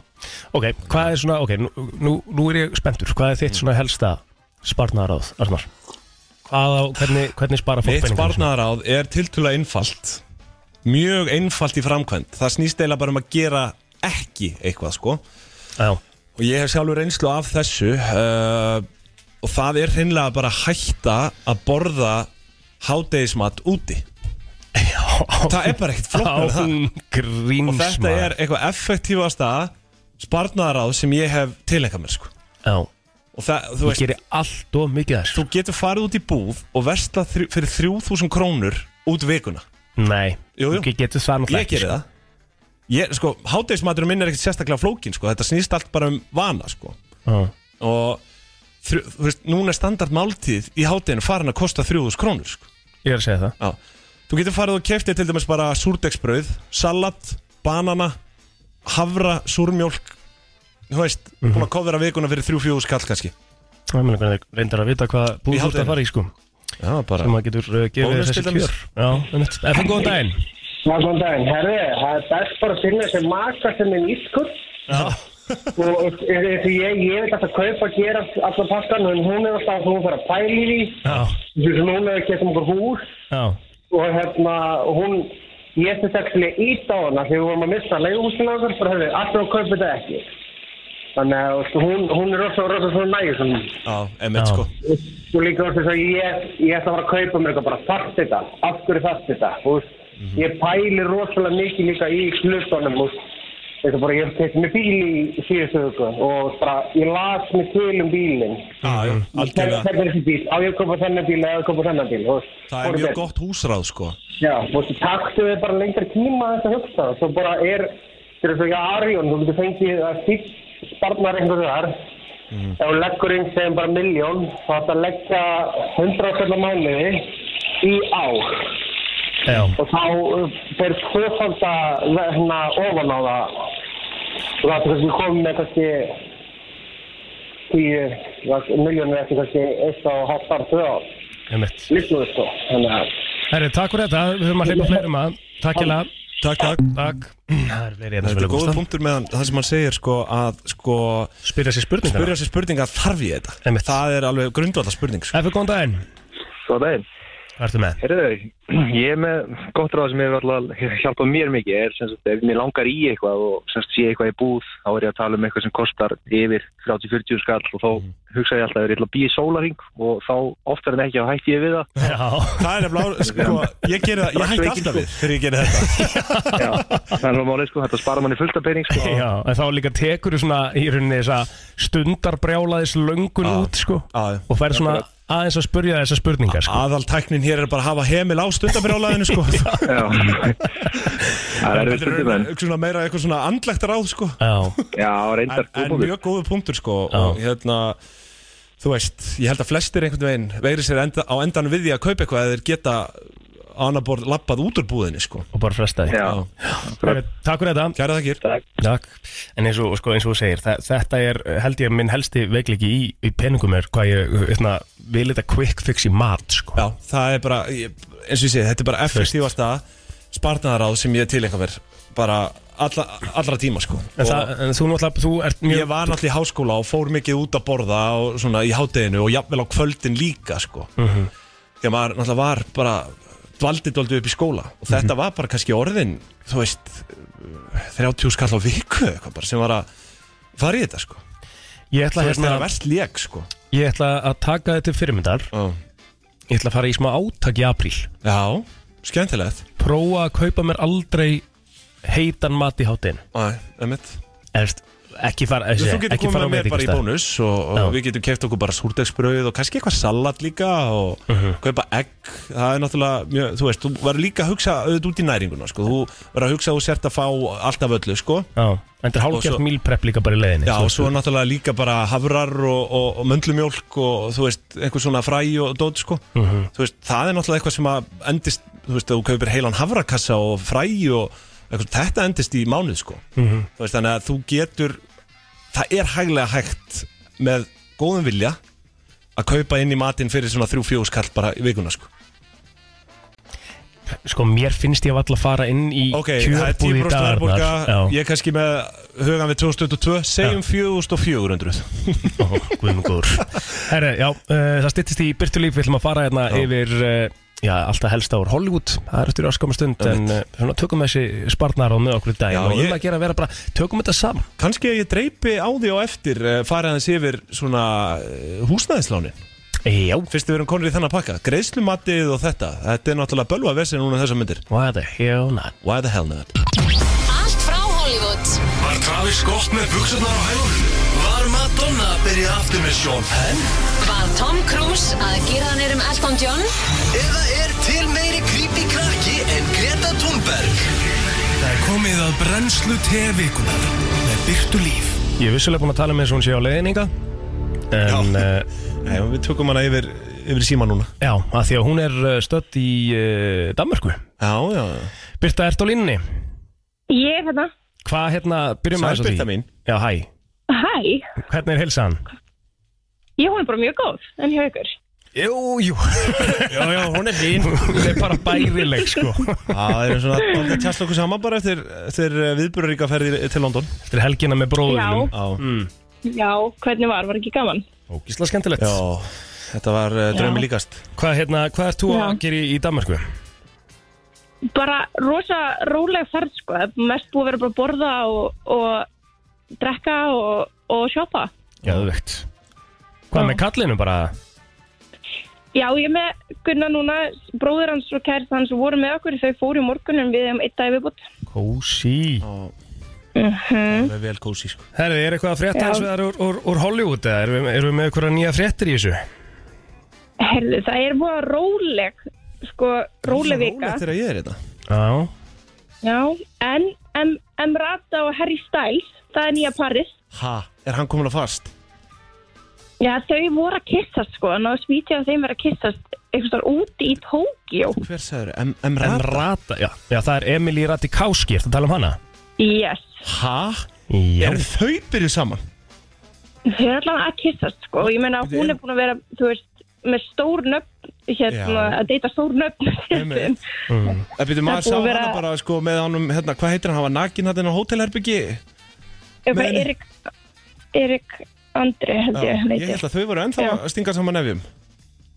Ég, meina, ég held ekki nema þau sé bara í ykkur opnu, opnu einmitt, situationi einhverju- sko, einhverju en þau allan já, ég meina það náðist myndböndum þeim og internetið fór náttúrulega hliðina því að internetið fer á hliðina þegar Harry Styles verð Já, og þegar- og þegar hún líka sko, þannig að þetta er alveg alvöru power couple sko. Já, Harry Styles klálega samt svona heitasti biti Já. heims í dag já, sko. Já, ég held að sé eiginlega óhætt að segja það sko. Mhm. Þetta já, er stóra en það fréttir sem er já, en það sem er áhugavert við þetta það er núna hérna að ganga að hann alltaf var í sambandi með Olivia Wilde, hann Harry Styles Mhm. og Emily og Olivia eru fína vinkonur svona, Mm. bransa vinkonur Ok, núna gengur þú saga að þau hafi nú eitthvað um að fari í þrísum öll, öll saman Við líka röggli maður Já, þetta er þetta áhugavert, áhugavert sko já, En ég, þegar þú segir það, hérna, hún, hún er náttúrulega fyrirverandi hans út eikis og þá, þegar ég var síða, sko, þá vorum við með þetta að ræða það og þá voru Harry Styles og hún eitthvað nýlega byrjuð að að stinga saman nefið þarna ég held bara að þau varu ennþá eitthvað hún, hann og Olivia Nei. Wilde Já, Olífa Væld Já. það er smá síðan sko, hann er búin að vera single í smá tíma sko Nú, já, já. En en það var, Emily var náttúrulega líka sko með Pete Davidson fyrir stuttur já, e- síðan emitt, það glemist já. En, en byrju, Hvað er þá svona? Olífa Væld og svo Deikis byrjuð aftur saman eða hvernig? af hverju ættu þau ekki svo við vitum Nei, sko nei, ég veit ekki, eða, þú veist, það það er var, ólíklegt það var svo ræðilega ástongin á uh, henni, Karl Langin ég, Já, já, já. en mína, enda það ekki eitthvað mjög illa fyrir það jú, það endaði ekki vel sko Nei, Nei, nei. hann náttúrulega fór eiginlega frá honum og beinti yfir til Harry Styles og svo voru ljót skilabóð látum flakka og svona Já, alveg rétt, já, mm Mhm. Eitthvað nýtt í, ekki gott. eitthvað nýtt í, í hérna, Bieber og, og, og, og, hérna, þessu já drama þarna, já því meina það fór auðvitað ekki fram hjá neinum að Selína gaf út yfirlýsingu um þetta, Já, ok, sjáum við það uh, það fór fram hjá mér allan, fór það ekki fram hjá þér líka, Arnara Jú Já, okay. hvað var það? er, Selína Gómez setur í stóri Hailey Bieber uh, hafði samband við mig og, lét mig og sagði mig frá því að hún er búin að vera að fá mjög ljót skilabóð og meðal annars hérna bara morðhútanir Ah, og hérna þetta er ekki eitthvað sem að hún stendur fyrir og enginn ætti að, að þurfa að upplefa svona mikinn hatur eða einelti. Ég hef alltaf staðið fyrir að fólki að vera gott ykkur annað og ég veit virkilega mikið að þetta, að þetta stoppi. ok Lína Gómez sagði það og svo setti Heili líka í stóri og hún sagði ég ætla að þakka þessu línu fyrir að ta- speaking out um, ég og hún eru búin að tala saman síðastleina vikur og þetta narrativ sem er í gangi um okkur þessar síðustu vikur eru búin að vera mjög erfiðar fyrir alla hérna, sem eru involved og miljónum manns eru búin að segja alls konar ljóta hluti Getur þú sagt mér Og eitt, svo Birta? bara- já, í staðan fyrir að leifa þess að ganga svona svakalega lengi, skilur við það sem þetta er bara búið að vera í öllum fjölmjölum heims ég meina á Bíber var mjög lengi að posta einhverju myndarna konunni sinni til að sína henni stuðning og eitthvað er þetta ekki allt einhver taktík þú veist hvað meina, okkur er ekki löngu búin að svara fyrir þetta hvað, hérna, okkur allt í henni núna mánuði eftir að þetta rifrildi búið að vera í gangi í mánuð af hverju fyrir þetta fræða fólk þá á Instagram og, og, og postar einhver inn í staðan fyrir að gera það bara strax daginn eftir og loka málun Eða bara ég, það sleppa er því góð spurning að, Þú veist Já, þú veist e- Það, það er, er, þetta- er ekki þá verið að segja okkur bara reynd út að þetta sé eitthvað marketingin gangi hérna til þess að halda þessu fólki relevant eða? Sko, ég myndi ekki, ég myndi ekki halda það, ekki, ekki heili megin, kannski sér línu megin, Já, en ekki heili me- megin að því að hún er búin að vera að fá, veist, hún er búin að upplega það mikið hatur á netinu, þú veist, það er alveg bara semirhæðilegt, sko. Mhm. en, en það sem maður spyr sig mest er af hverju er Justin Bieber bara ekki búin að segja eitthvað, af því að þetta eru, í, í grunninn er þetta hans aðdáðundur, hans og Selínu aðdáðundur sem eru að setja mest heitin á heili. já, En þú veist Er hægt að setja þá kröfu á einhvern hreinlega Bara að s- senda út einhverju yfirlýsingu Nei, en ef þetta er eiginkona einn og Já. það er verið að tala svona um hana þá kannski bara langar það þótt að sé enginn búin að byggja um það Já, ég held að það sem ég er erlegt að það langi að gera það sko Já, við klálega sko Já. Eða, Þú veist, æ, ég veit það ekki Ég meina, ég, Bara, þú veist, ég, þeir sem hafa hlustað hérna vita að ég er einn helsti bíber maður landsinn, sko. Ég var fyrir vonbröðu meðan hvað hann var lengi að að bregðast þig, sko. Já, Æ, þú veist, það var manni, pínu þetta er svo flókið, greið sko. fólkið þetta, þetta er bara svo dýr í búri sko Ég veit það. Þú veist, Já, Mhm. að ég, ég bara vorkinni svo mikið þessu fólki sko að, En það kom sér út í þetta, ég meina eða, svo, Mhm. Auðvitað, auðvitað gerði það. að, Eða, þú veist. Já, Já. Bieber samt, eða, þú veist, hann er bara barn sko Hvað er hann? 14. 13, 14 Hann er 14 ára. Mhm. En vissulega, eitthvað sem hún langaði Þá, það var Draumur. bara hans æsku draumur Um mitt. Þannig að hérna, að, að ég veit ekki Mæni.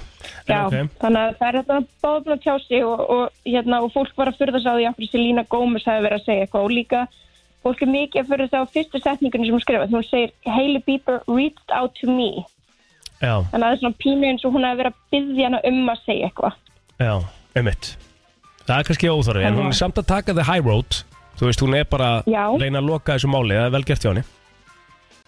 Mm Þannig að þú veist, við sjáum hvernig þetta fyrir, en allan að þú veist, þetta er ennþá sem í sama sagan, sko, þú veist, eins og inn á TikTok og svona, er ennþá verið að ræða þetta, Já. en vonandi fer þetta nú að róast. Eitthvað annað í þessu, eða? Já, talandi um Selína Gómez, þá er náttúrulega, hérna, hún mögulega komin með nýjan kærasta líka, Ó, já. að það er engin annar en Saint Malik. Já. Herðu, það er One Direction þema hérna í dag Stórt maður. Það er svakalegt Ok. Og það er, fyrir, það er svolítið mikið stórt, sko, út af því að, ég veit ekki hvort þið muni eftir, en, en Hann alltaf drullaði eitthvað á sig. Já, ég var það ekki með Gigi Hattit jú, hann að námastu ítti mömmunar. Ah, um Já, gerir það ekkert sko Nei, Þetta gerir þið það ekki Ok, en þetta Já, var hann- óvænt, er það ekki byrta það? Jú, þetta er óvænt sko, en, en samt á sama tíma, ég veit ekki hvort þið munið eftir, það eru nokkur, eða það eru nokkur mörg ár síðan, þá var Selena Gomez og Justin Bieber svona, þið munið þau voru ofta hætt saman, byrja saman, hætt saman, byrja saman. Í eitt skipti sem þau voru hætt saman, þá setur hann mynd á Instagram af sér og Sofíu Ritzi, þegar þá voru þau eitthvað smá að deyta.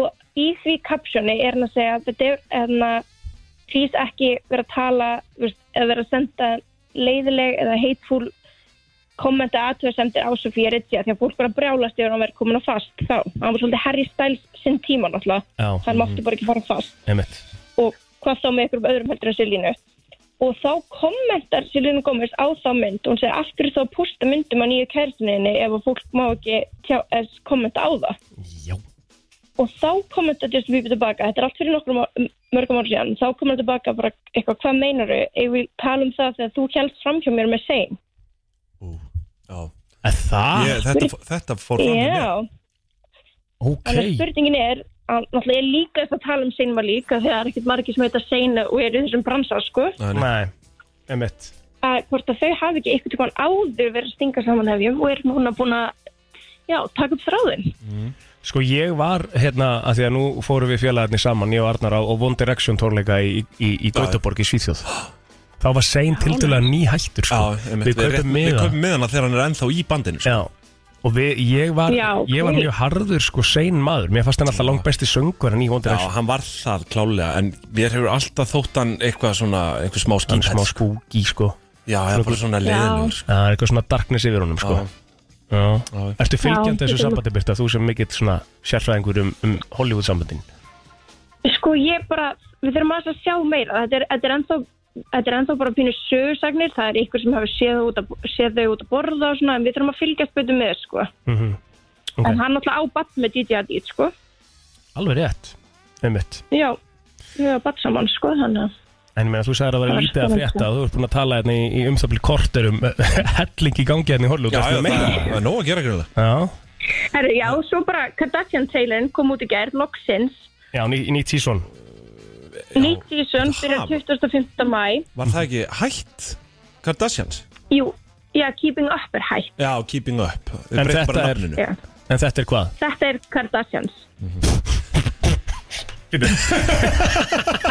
Býta þessu Ég sko, bara byrði hlusta Hérna. ykkur afsökunar sko Ég, hérna Stöldrum að þessu við Já.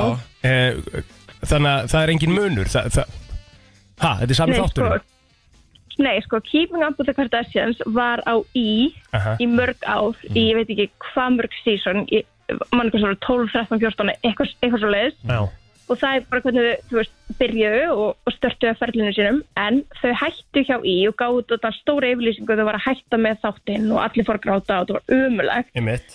og síðan út með þá tilkynningu að það væri að fara að byrja nýjan þátt sem heitir bara Kardashians á Hulu Mhm.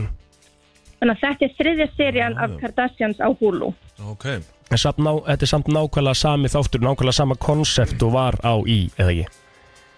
þetta er það en þau, þau vilja meina að þetta sé meira svona heimildamyndalegt þú veist það er meira svona um, tala beint í kameruna og þú veist Já, svoleiðis Mhm. Og var eitthvað krassandi En- sem kom fram í þessum trailer? Hvað eru að fara að sjá í þessari serju?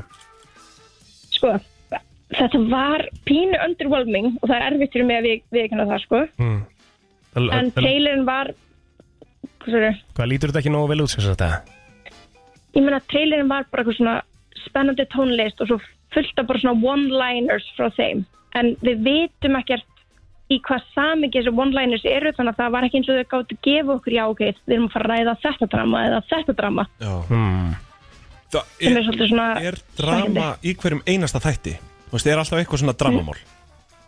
alls ekki, stundum er bara þær að borða salat og fara í spreytan og eitthvað svona Já, um eitt Vá, sem hljóma er spennandi. Já, ég, sko, um eitt Sem, er- hvað sagði- sagði- hvað sagðið þér? Sagðið þér sem er sjúklega næs líka, sagðið það? sjúklaðan Þetta er næs að sjá það líka inn á milli Já, það er sjúklega drama. næs. En Birta, ég, Já. ég var að spá Hefur sko, hefur einhvern tíma verið með eitthvað svona íslenskt slúður? ég er svona það Hefur hefur eitthvað dreift á komið því? inn á milli Já. já, eitthvað inn á milli en, en maður reynir svona að halda sér frá því sko Já, Einmitt. einmitt. Það er ekkert hægt. Nei, nei, þetta er svo Nei. lítið land Við erum svo eins og ég lítið. Um segi bara, þú veist Einmitt. Já, Það þekkja allir við alla. reyndum aðeins þarna Harald og, og Elon Musk þegar Einmitt. það gerðist Það og, dæmi. Já, emitt, emitt En En Það ég er voru að tala um það, það voru það líka líka bara, þá erum við að koma, þá erum við að tala um heimsfréttir, sko. Já, Skil, það er fór rétt. út um allt. Emitt, emitt, emitt Já. Það væri kannski svona full viðkvæmt að þú vissir að einhverju var að deyta og þú myndir svona henda því bara fram hér Já, ég held ég myndi alveg sleppa því sko. Mhm. Þurfum við kannski að fara að gera meira að því, eða? Já, ég veit ekki, það getur verið svona kra- meira krassandi fyrirsagnir Já. Já, Það Nei, er þú veist ekki það, mér finnst- mér varst að geggjaður pakki hjá þér í dag sko. rosalega Ég pakki þekkti eiginlega alla sem að hérna, koma það fram sko Emmett já, Herru Birta, við ætlum að, við ætlum að að kveðja þig njóttu vel í, í köpinn eftir ekki köpinn annars bara jú, ég er bara guðun Njóttu vel og við heyrjumst aftur hérna á þriðutæni næstu viku og fáum mannan eh, pakka frá þér Ég ger það, Heyrumst. takk fyrir Takk Bye. hella, bæ Heyrjumst, bye. Brennslan á FM 957 Renslan á þriðutegi, Egil Plóter og Arnáþór Ólafsson með ykkur eh, í dag Við erum svona búin að vera um, svona smá á, á hérna, alvarlegri nótunum í dag Við erum búin að vera að tala svolítið um fjármál inn á er, milli er það samt alvarlegt? Þarf það að vera það? Nei, það er kannski Það var nú svona það sem að ég laði mikið upp með uh, þegar við byrjuðum með pingjuna á sínum tíma það var að reyna að gera þetta svona aðeins skemmtilegra sko Já Og það, veist, er, þetta er það er allt alveg rétt aukt þetta er svona, og- En þetta er samt alltaf sko En þú veist, Hvað á maður að þetta, segja? fyrir suma er þetta eðlilega lífsins alvara og bara í rauninni fyrir flesta ég meina, eh, hérna þetta er bara lífsviðværið þitt þú Já. Mhm, veist, tengist fjármálum Það er alltaf einhvern veginn Þetta er aldrei eitthvað svona uh, spjall Þegar maður er að fara yfir heimilisfjármálun og eitthvað svona oh. Þetta er aldrei spjall sem hún hlakkar eitthvað rosalega til Skilur Nei, nei, eða, þú veist það fyrir náttúrulega eftir hvar áhámáliðin liggja en svona alla jafna yfir samfélagið þá þykir þetta nú ekkert sérlega spennandi sko Nei Ég sko, út af því að við vorum alltaf að ræða hérna sparnaráð fyrir, í- fyrir í þættinum og svo sé ég hérna líka grein sem kemur inn á vísi ekki færi kaupsamningar síðan í janúar 2012 þess að þetta í eh, rúm 11 ár Mhm. hafa ekki verið gerð já, fá fastegna kaup og, og, Og akkurat núna og akkurat núna sko Um mitt og mér finnst áhugavert út af því að ég tók nú fyrir í pingjunu um daginn uh, með sko greiðslumönd og annað Já. hverslega rugglaða er að komast inn á fastegnamarkað í dag sérstaklega ef þú ert einn Fyrir þá sem ekki vita Bara, bara, bara heilt yfir Bara að geta einhverjir að hlusta sem, að, sem að er svona ve- Hvað er greiðslumatt? Bara Já, eða sko greiðslumat er náttúrulega bara það sem þú ferði í þínum eh, banka eða fjármálastofnun og, Einmitt. og, og þar er hún metið hvort þú sett hæfur til þess að fá lán á íbúðakaup eða hvað Hversu sem það er, sko. gott lán þú getur fengið til þess að greiða af í já, rauninni. já. Mhm.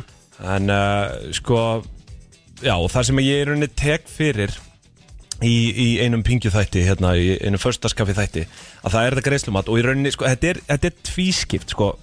fyrst þarftu bara reynilega að standast þessar nýju reglur seðlabankans eða hlustaðu, þú vilt hlusta á þetta Mhm. Ég er að hlusta það er, hérna, það er sko 35-40% afborgunar hlutfall af ráðstöfunartekjum Mhm. Það er að segja að mánaðlega afborgun af lánu má ekki fara yfir 35% hjá uh, lántakendum Mhm. uh, Fyrir fyrsta kaupendur er þetta eh, samt 40 sko Ok, Þannig að ef þú ert með 600 ús krónur í laun, segjum það bara Mhm. og greiður í sérregnarsparnað og ert í stjættafeila eða eitthvað, þá er þetta svona um 430.000 útborgað eftir skatt já, og það er það sem flokka sem ráðstöfunatekjur og, og það er í rauninni þær sem sagt, þetta er 40 35-40% afborgunar hlutfall af ráðstöfunatekjum þannig að sko þannig að ráðstöfunartekjur er í rauninni allt sem á átt Nei, það er bara þegar þú ert eftir búin að skatt það er borga alla bara eftir reikninga, skatt. eða- Nei, nei, nei, það er bara eftir bara skatt. eftir skatt Já. og, og þú veist, greiðir stjættafélög og, og hérna, lífursjóð og allt þetta jari jari uh, Við skulum taka dæmum að palla Mhm. Ok, Skulum segja að Palli með 600 úrskrónir í laun uh,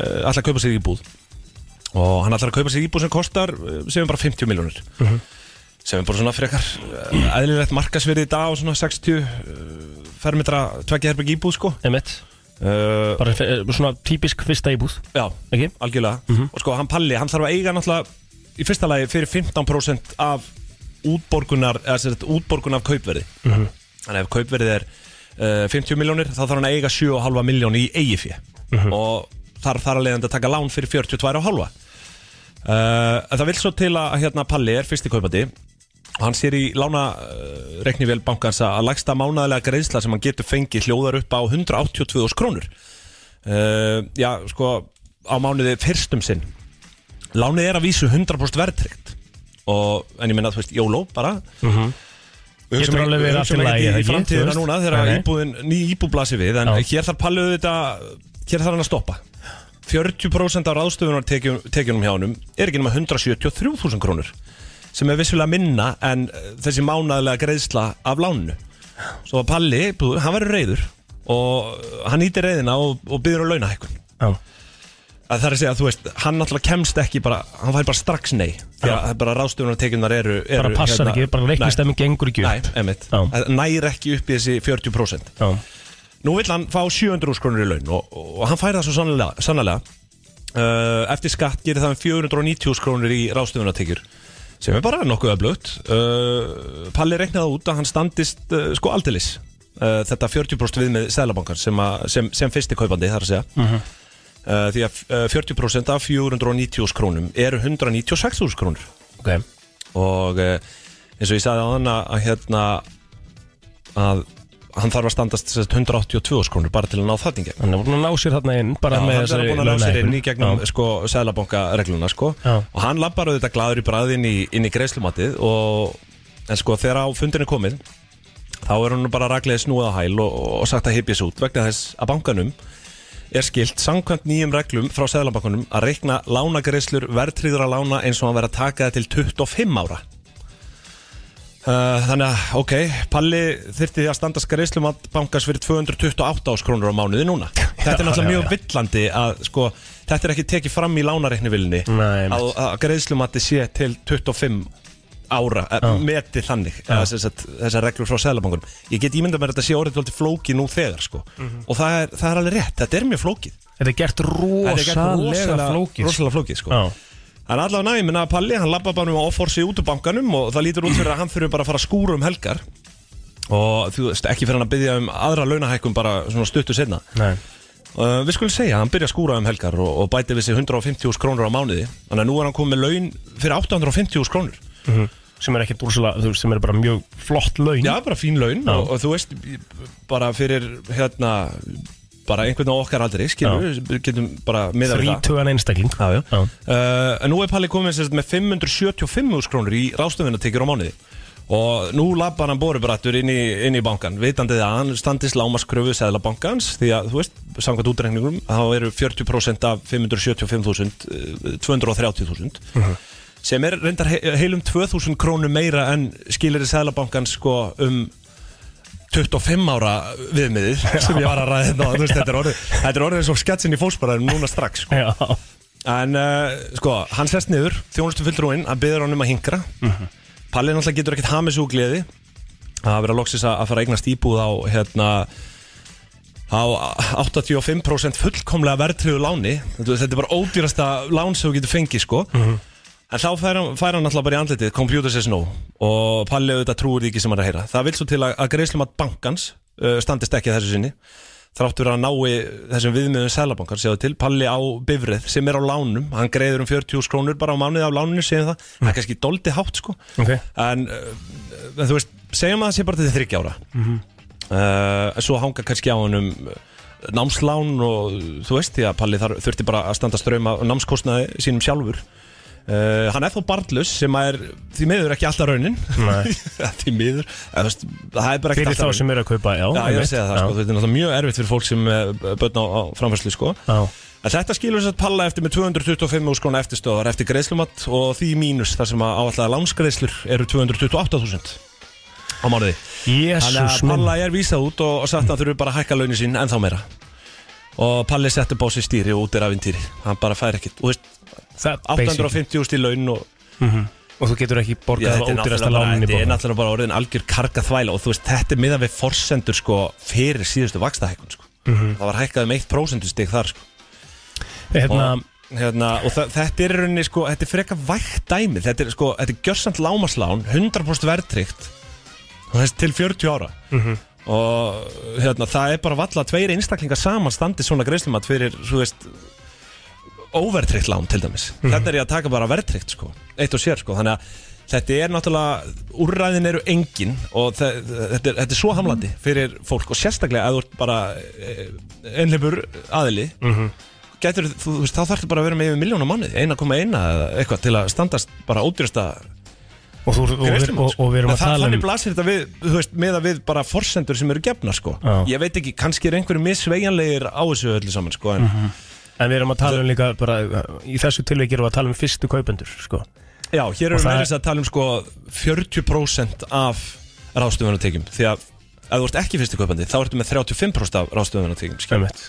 Og svo fyrsti kaupandi þá er það ekkit endilega mjög raunhæf krafa að uh, sá aðeili sem búin að byggja sér upp þann feril á ákveðnum aldri að þú sért með 1,1, 1,2 miljonar mánuði í laun sko. auðvitað ekki sko, en þetta er náttúrulega bara komið alveg, En þetta þetta er, hlýtur að, þetta er orðið hömlulust og Nei, þetta hlýtur að hérna, núna bara eftir að þessa ræðu þína hérna, sem ég þakkaði bara fyrir og þakkaði fyrir að fara í þessa rannsóknarvinnu að hérna, uh, þá hljó- hljóta allir að sjá það sem hlusta og, og, og, og pæla eitthvað í þessu og, og hugsa þá hvernig getur þetta gengið A, af hverju er þetta þá ekki Já, þú veist, veist, það þetta er ástæðan fyrir því hlýtur- að sérfræðingar koma fram núna í dag og eru bara að segja fyrstu kaupitur komast ekki inn á marka það er bara þannig það, Mhm. og, og jafnvel þó að tveir saman sko, just, auðvitað einhverjir sem eru búin að vera mjög, mjög duglega að safna Mhm. og það er alltaf einhverjir en við sjáum að þetta svart og hvítu ég menna bara uh, þessi frétt sem kemur inn í gær að, að, að þetta er bara, það hafa aldrei verið að fáir kaupsamningar síðan í janúar 2012 sem að þú veist og það á einhverjum tíumpunkti þá fer verðið að lækka en það er bara búið að gera svo rosalega hægt sko.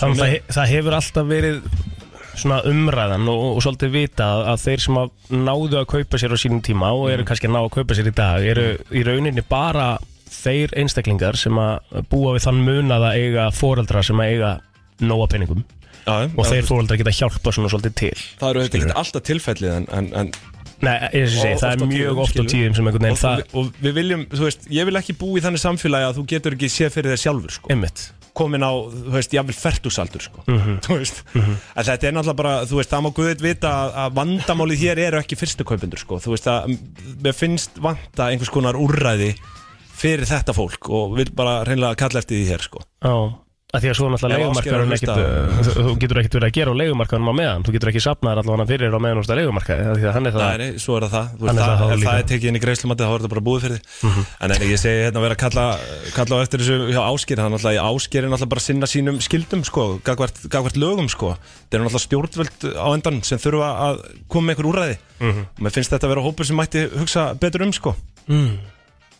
Það er bara þannig og þú veist hérna, en svo er þetta náttúrulega þannig á Íslandi, skilur að það er áhættulöst að búa hérna sko, sem í sko Þú veist, þú ert með Hvað fólk- meinarðu með því? að nú er fólk að- að að kvarta sem tók lán á þessum fína tíma þarna Mhm. fyrir tveim, þreim árum nú er það að kvarta yfir að vexti sjóðnar og háir og þú veist, og þá er það einhvern Láni, veginn- láni, bú- þá er mörg það lán líklega búin að hækka um helming já, og, og þá er það líklega orðið Mhm. forgangsatrið að bjarga því fólki á meðan að þessi hópur sem er ekki komin inn á markað búin að vera að bíðar hennilega þú veist lendir þá illa í því því að nú, þú veist, fá þau ekki sjans á að kaupa íbúður sko auðvitað er það ræðilegt að hugsa til þess að fólk missi húsin sín og eitthvað svona skilur en, en ég meina þetta er bara ákvörðin sem að þú tekur skrifar undir skilmál og annað og ef þú ert á breytilegu vöstum þá máttu búast við því að þeir hækki sérstaklega þegar þú tekur þau á lægsta sko punkti bara vaksta, læ, lægsta, lægsta vakstast í sögunar sko En auðvitað er þetta líka, uh, þetta er bara dominoeffekt á þessu öllu saman Þú veist, Já, þetta, já. þetta fer út í alla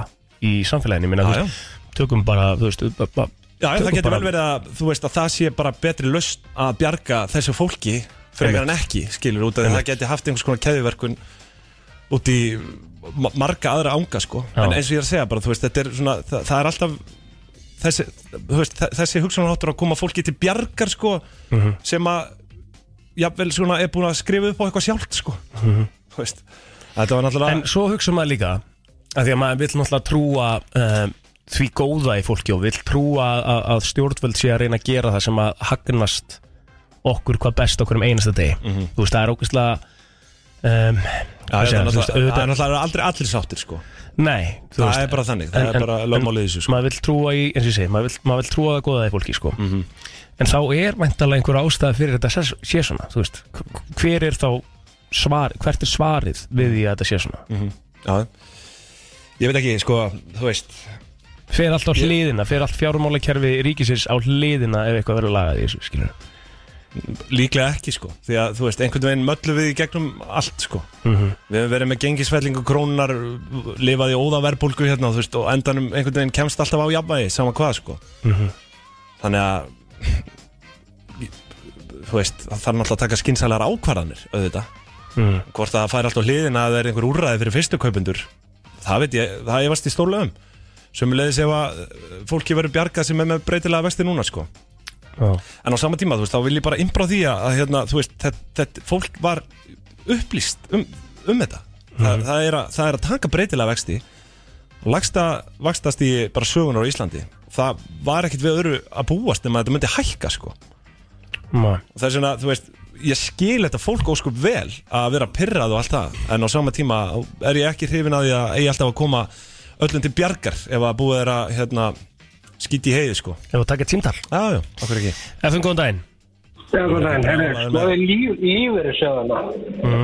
Ég tók lán hjá lífverðisjóðanum og var búinn að sækja um hjá bankanum og það var bara, þeir segja bara nei. Samt eigum við sko, við vorum á fyrstu kaupinir samt aftur konan eitt frá sem er erfið frá pappa sinni. En ég fór yfir í lífverðisjóðana, það var allt annað reiknistæmi. Já, Og það- Mhm. fyrir sama láninu sem ég sótt um hjá hérna Arjónbanka, þeir segja nei við því, en leiðið ég fór yfir lífverðisjóðan þá bara, bara samþykkt. Já, og svo er það náttúrulega líka að það er, það er mismunand á milli bara stofnana sko. Mhm. Já, Hvernig ég er svona Mm. myndi, ég myndi, reiknað? ef við farin að kaupa þér íbúð í dag, þú veist, þá við hefum átt um eitt sem við seldum og þess að fjármagna helmingina af kaupunum, en það var bara miklu betra, Einmitt, sko. Já, miklu betra, betra, betra kjör, sko. það er kannski gott að taka það fram svo sem dæmi sem ég tók meðan bara við eina, þú veist, eina stofnum sko, sem ég ætla ekki svo sem að gefa upp sko, en, Nei, nei. en hérna, þú veist, það gæti verið öðru sér annars staðar en svona heilt yfir er þetta svona nokkuð samrænt, samrænt Já, sko. þú lí, líka þú ætti að borga í lífrisöðun og svo þegar eh, þú er búin að borga í henni í hvað, 30-40 ára og svo fer að fara þeim borga um úr honum og þeir Mm. og það fær engin spenningi svo að borga sem eru fleiri og fleiri hundru miljonar kannski. Mm. Það frekar bara að geta nýta sjöðun sko, Já, eins og í, í þetta sko. Og mér var nú mér var nú ráðlagt að bankamanni að ekki taka hjá bankunum, þetta er frekar hjá lífrisöðun. já, nákvæmlega ég, Nákvæmlega ég ætla svo sem ekki að kommenta á það en, en Nei, það bara, hann, það var bara aðeins sem ég þekki sem að Já, já, það já. bara farði frekar í Það er svolítið staðan Mhm. lífrisöðunni sko. Herri, Já, takk, og takk Ég, ég, ég er með verðtryggt, eða overtryggt lán og ég er, ég er ekki að borga, ég er að borga ykkur 200 skallar manni. Já, einmitt Herri, takk fyrir þetta, við ætlum að hleypa fleira maður líka Takk hérlega. Takk hérlega Það hefur komið eitt í viðbútt, er það ekki? Já, jú, jú. Eitt símtalið þetta er hitamál Já, FM, góðan daginn Já, góðan dag Góðan daginn Hvað segirðu? Hérna, ég ætla að taka undir það sem Arna var að segja rétt á hann Mm. Fólk er að taka lán á breytilum vöxtum Það er ekki alltaf hægt að vera með yngrip í að laga eða bjarga það. Nei. Mér finnst það algjörlega gali. Mhm. Og það má alveg benda á það að fólk sem tók, þú veist, ef var með lán 2019 þá var kannski 5-6% röxtun ef það tók bara krónu fyrir krónu og endur fjármagnaði neyri í þessa lágu vexti Mhm. og borgaði bara áfram í þessu 2 ár, 3 ár þá er það ekki eins og með hætti greiðslubyrði það er bara ef það sko endur fjármagnaði fyrir herri uppar þannig að vesin er að hafa endur fjármagnað, endur fjármagnað hátt Mm. Mhm. í lágu vextum svo hækka vextir og þá er fólk komið í klúður Nákvæmlega sko Það- fólk er kannski búið að byggja pallin og kaupa húsbílin og þú veist Já, og búið að öll taka þetta á- allt. búið að bara kannski að taka áhættur Já, í búið að einhverjum taka á tilfellum, þetta, sko, búið þú að veist, og eins kaupa á og- Mm. eignir, kannski auka eignir á, út á þetta og svo bara, herði, já, herði, nú er ég í, í rassinum og Já. þá er ekki að koma og græja. Þetta er svona svipað eins og með leðrýtingunni kringum gengistriðulánin, ef þú mannst þetta því sko Ég mann þetta því, já Og þú veist, ég meina þetta, náttúrulega við vitum það að gjaldmiðlar er ekkert sérstaklega stabil fyrirbæri sko Nei Og það voru að taka lán sem er tengt við gjaldmiðil Og ekki, ekki, Þá ekki náttúrulega ertu að taka svakalega áhættu sko En þannig á sama tíma, auðvitað finnum maður til samkendar með þessu fólki Auðvitað, auðvitað er enginn að segja það og það má alveg spur, spurning en sko ef það á að gera einhver þá þarf að gera fyrir alla Já, þú veist það er ekki, það er ekki hægt að alltaf þeir sem eins og ég segi, þeir sem eru konu með hérna búin að endurfjármál fyrir 20 miljónir búin að kaupa sér fellísi og jari jari jari nú ætlum ég ekki að segja allir séu að gera það en, en þú veist það eru sumir Mhm. það er ekki hægt að taka einhvern hóp sem er bara 20 manna hópur og laga hann, þá er bara frekar að laga alla með einhverju skattabreitingu eins og viðbúta lífeyrsspartnar með eitthvað svoleiðis skilur við, það er verið að setja hann inn hann gengur, hann er ekki alveg 100% sangjart Mhm. en hann gengur upp fyrir flesta Emmett þannig að ok, Algjörlega, sko. er, er þetta að vera með einhverja yngreðslu inn á það út um hans eigin sjóðum Mhm. fínt, ég er alveg til að vega með þetta það Já, já. sérstaklega skattfrjáls Ég bara svona að en finna ég er ekki, ég einhvers konar er úrræði, sko. ekki til að, já, ég vil ekki eitthvað þak á einhvern einn hóp sem er að fara að græða það eitthvað umfram hinu sem fóru valli ja, þú veist Algjörlega, ég tek undir þetta Herra, Mm. takk- Takk Kæra hérlega þakkir fyrir fyrir þetta. gott. Takk hérlega. Bye bye Sko við hérna Já við erum- fatta, við erum kannski orðið dólið þungir hérna í Já, dag. þetta er bara brennslan síðdegis hérna skilur við Æ, Þú veist, þetta, það þarf að adressa þetta Já, Það er já, bara þetta má inn á alveg vera milli Við Já, já. tökum hérna, við tökum þetta allt Og fyrir fyrir bara þá sem hafa áhuga á fleiri svona umræðum þá eh, hérna, er ég þáttastjórnandi pingjunar Einmitt. og fylgist með því Herru, förum í eitthvað léttara einn Já, eftir öskumstund, sammála er það því. ekki? Takk Þú ert að hlusta á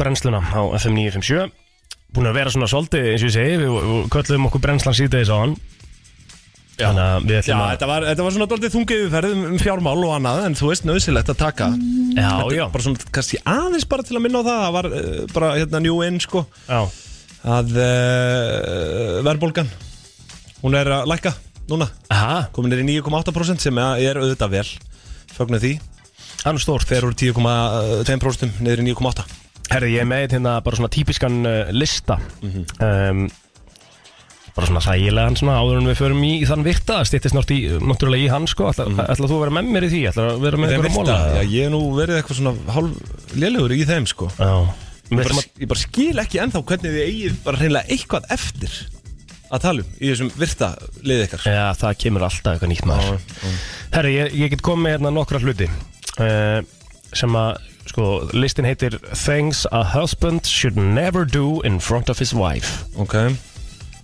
Og hvort að þú sért bara sammála þessu Já Eh, Í fyrsta lagi að kemur efst hérna á þessum lista Að skirpa í vaskin Svo já. kemur hérna Hvað er það með karlmenn og að skirpa Taka eitt svona góðan Hérna já, Ég held að þetta sé bara komið úr íþróttunum sko Já Er það ekki, eða þú veist Veit ekki En þetta er svona það sem er algjört nónu Að skirpa þá sérstaklega í eldúsvaskin Já Þú veist Hvað skipti það máli samt? Eða, eða það Ég mitt Heyrðu við Ekki bara kannski vaskur, eða? Já Kannski vantar hérna Já, kvænlega eðlilega móti sem að myndi Ah. kannski hafa eitthvað smá vit fyrir okkur En þú veist, ég meina, ég meina Ég við ekki um það, ég, ég gerir þetta alveg Ég stundum Ef hef maður alveg er með skeyrt í eitthvað vask, sko. vef og eitthvað Og maður bara svona vill losa eitthvað og skirpir í vaskin Og svo ítir bara vatninu á stað og þetta er farið, sko Ég er nú reyndar ekkit sérstaklega Já Æ, ég veit ekki, ég hef ekki tekið bara eitthvað svona Nei, nei, Þú veist, í- nei, það Held ekki sko Nei Nei, nei, maður gerir það bara í klóstið svona almennt Næsta á þessu lista er að pissa í sturtuna Og hvar kemur línan uh, It just goes it's, it's just going right down the drain, honey Já, ok Næsta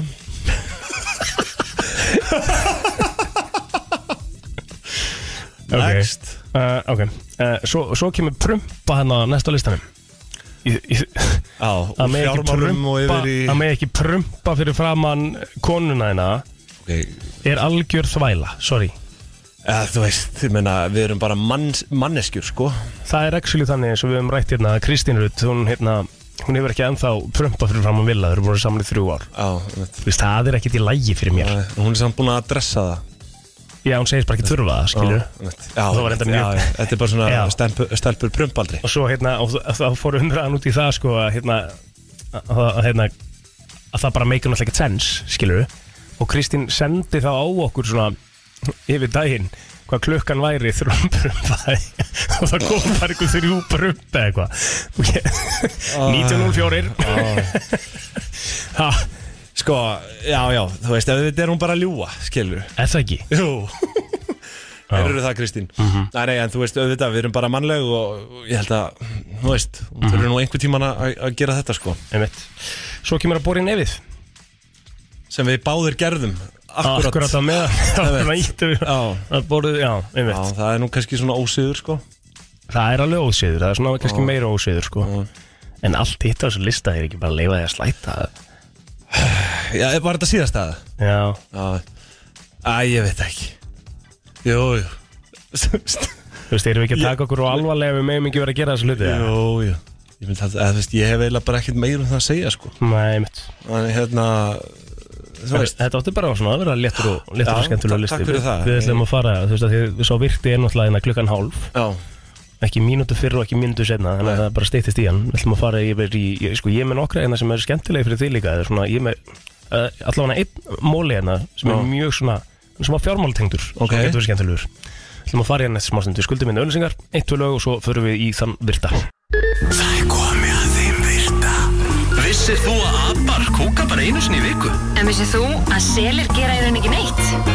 Tilgangslösi móli dagsins Í brennslunni Sá virti Já Sá virti Það er bara Já, komið á kemur honum. þessi beddin Já Það er svona bara þægilegur Má ég Og smá kannski yfirferð. vera með uh, fyrstu Endilega Bara endilega fyrsta, fyrsta móla dagsins Já hún, hún, veist, hún hefur svona pottjett komið uh, þessi móli hefur pottjett komið fyrir Það þarf ekki að vera en það er talað hérna um sko, ég ætla aðeins að lesa á ennsku kannski fyrst Mhm. uh, The circulatory system is more than 60,000 miles long sem sagt þetta er í rauninni í barni þú veist, þú verðum að tala um sko æðar og þú veist, alls konar, bara háræðar og annað að hún myndi taka það úr barni, Mhm. fletja það út hann myndi að vera 60.000 mílur sem er tæplega 100.000 kílómetrar Einmitt í lengd sko Já og að þú ert með fullorðna mannesku þá er þetta 100.000 mílur sem er þá vantilega svona 160.000 kílómetra sko. Allar æðarnar í Já, líka bara svona allt drasli og þarna fer ég að velta því fyrir mér hvernig eru við svona flókin Já þú veist, meða við það að bara þú veist við vorum fruma einu sinni bara ein fruma, lítil fruma í hafi sem byrjaði að skipta sér og svo erum við bara núna í dag með allt þetta system Mhm. þú veist, hver heldur bókald utanum þetta allt? Þetta er rosalega djúp pæling Þú skilur, veist, En bara, þetta er af þetta hverju- galið eh, Af hverju, hvað hefur leitt til þess að við höfum þróast á þann veg Mhm.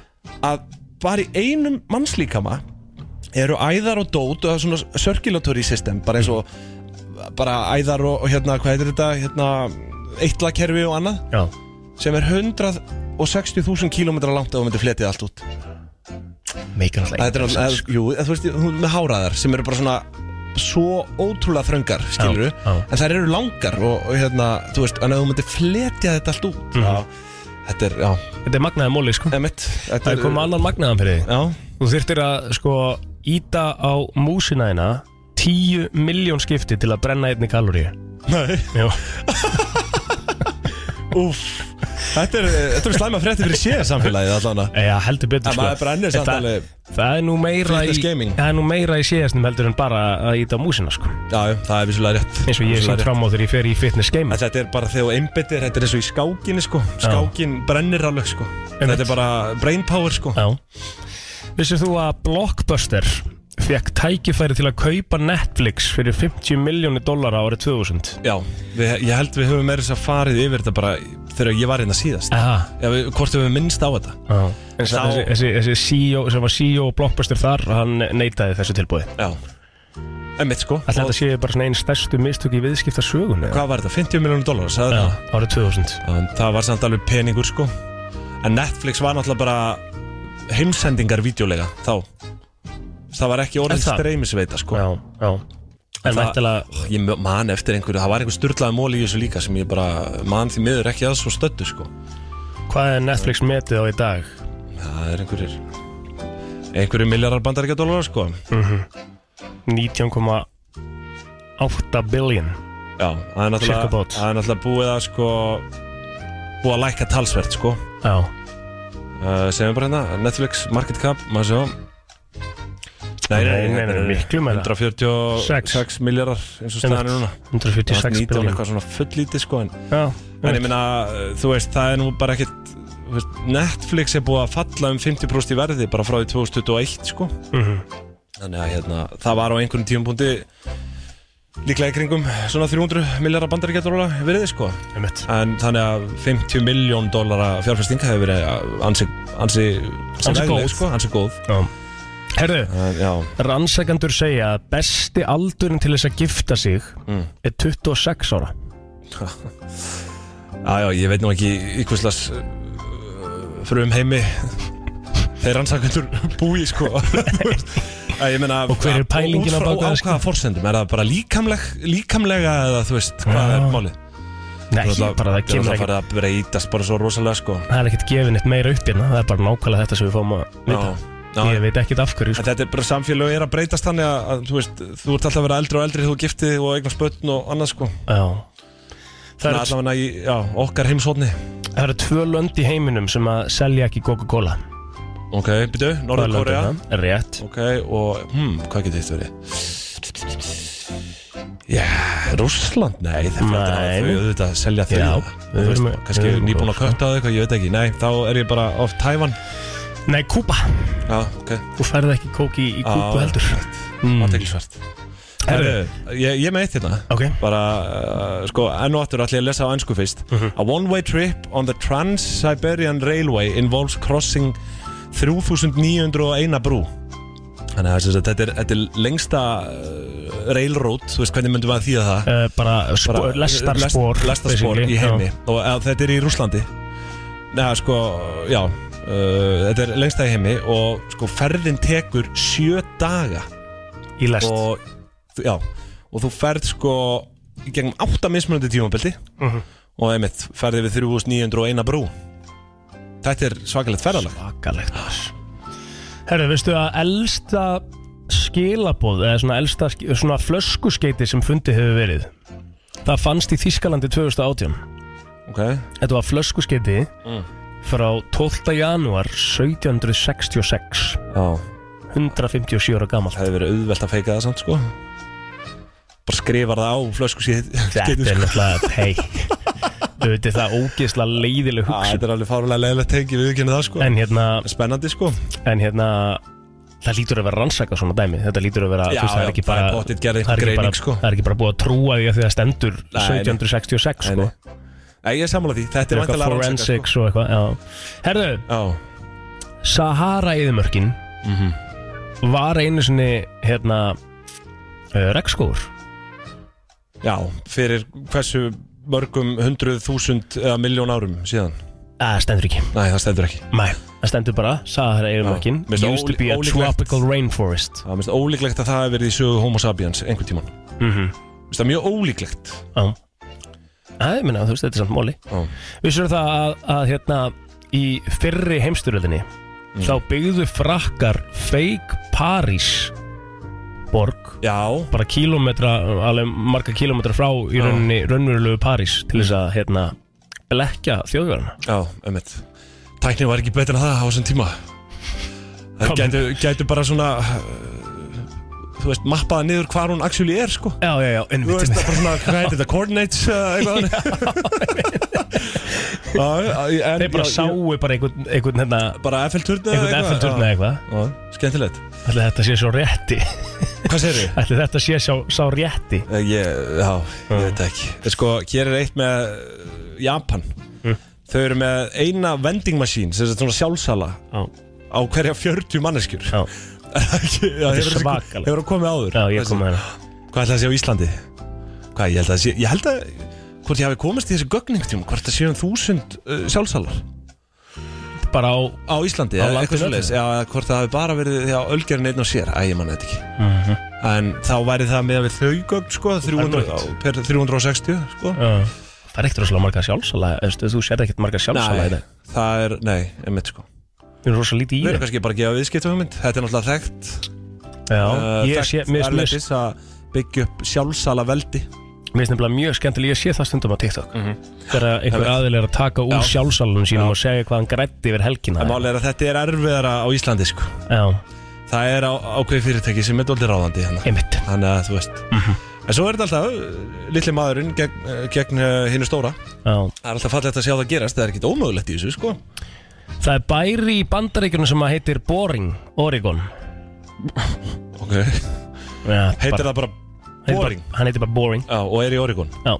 Mhm. Já, aðeinsvægt Er þú með einhvern annan eða? Já, sko, McDonalds hérna bjö- uh, sem svo framleitt einu svona bubblegum flavored broccoli Hræðilegt, sem sagt Tyggjó bragð af Hún hljómar alls ekki vel Ég er náttúrulega borð ekki brokkoli sko, ég er alveg fellegur Ég elska brokkoli Ég veit ekki að hverju ég gera það ekki Gott steikt, bara svona pönn, pönnusteikt brokkoli með hérna bara nóa smjöri Já. Salt og pipar, smá kvítlögstuft Kanski svona paprika úr skýr Á, einmitt sko Ógeðslega gott sko En svo er ein- annar hérna og ég og Aron hefur nú rætt þetta í, í þættinum okkar uh, áður, Ólasonum í Undralandi Mm.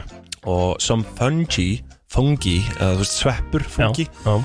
create zombies then control their minds sem Einmitt. sagt uh, sumi sveppir skapa uppvakningar Mhm. og stjórna bara heilanum hu- bara hu- hugsun fólk sko. Mhm. Þetta er Og bara he- Last of hefur- Us já, feeling, hvað? hefur séð Last of Us Já. ég hef nefnilega ekki séð það og við ætlum ekki að fara að spoila hérna Nei. þú veist meira en þa- það að segja Það þú vita veist, það, það er- allir, það er já. doldið svona Það er pælingin pælingin í þessu og, þe og þessi sveppur er til sko.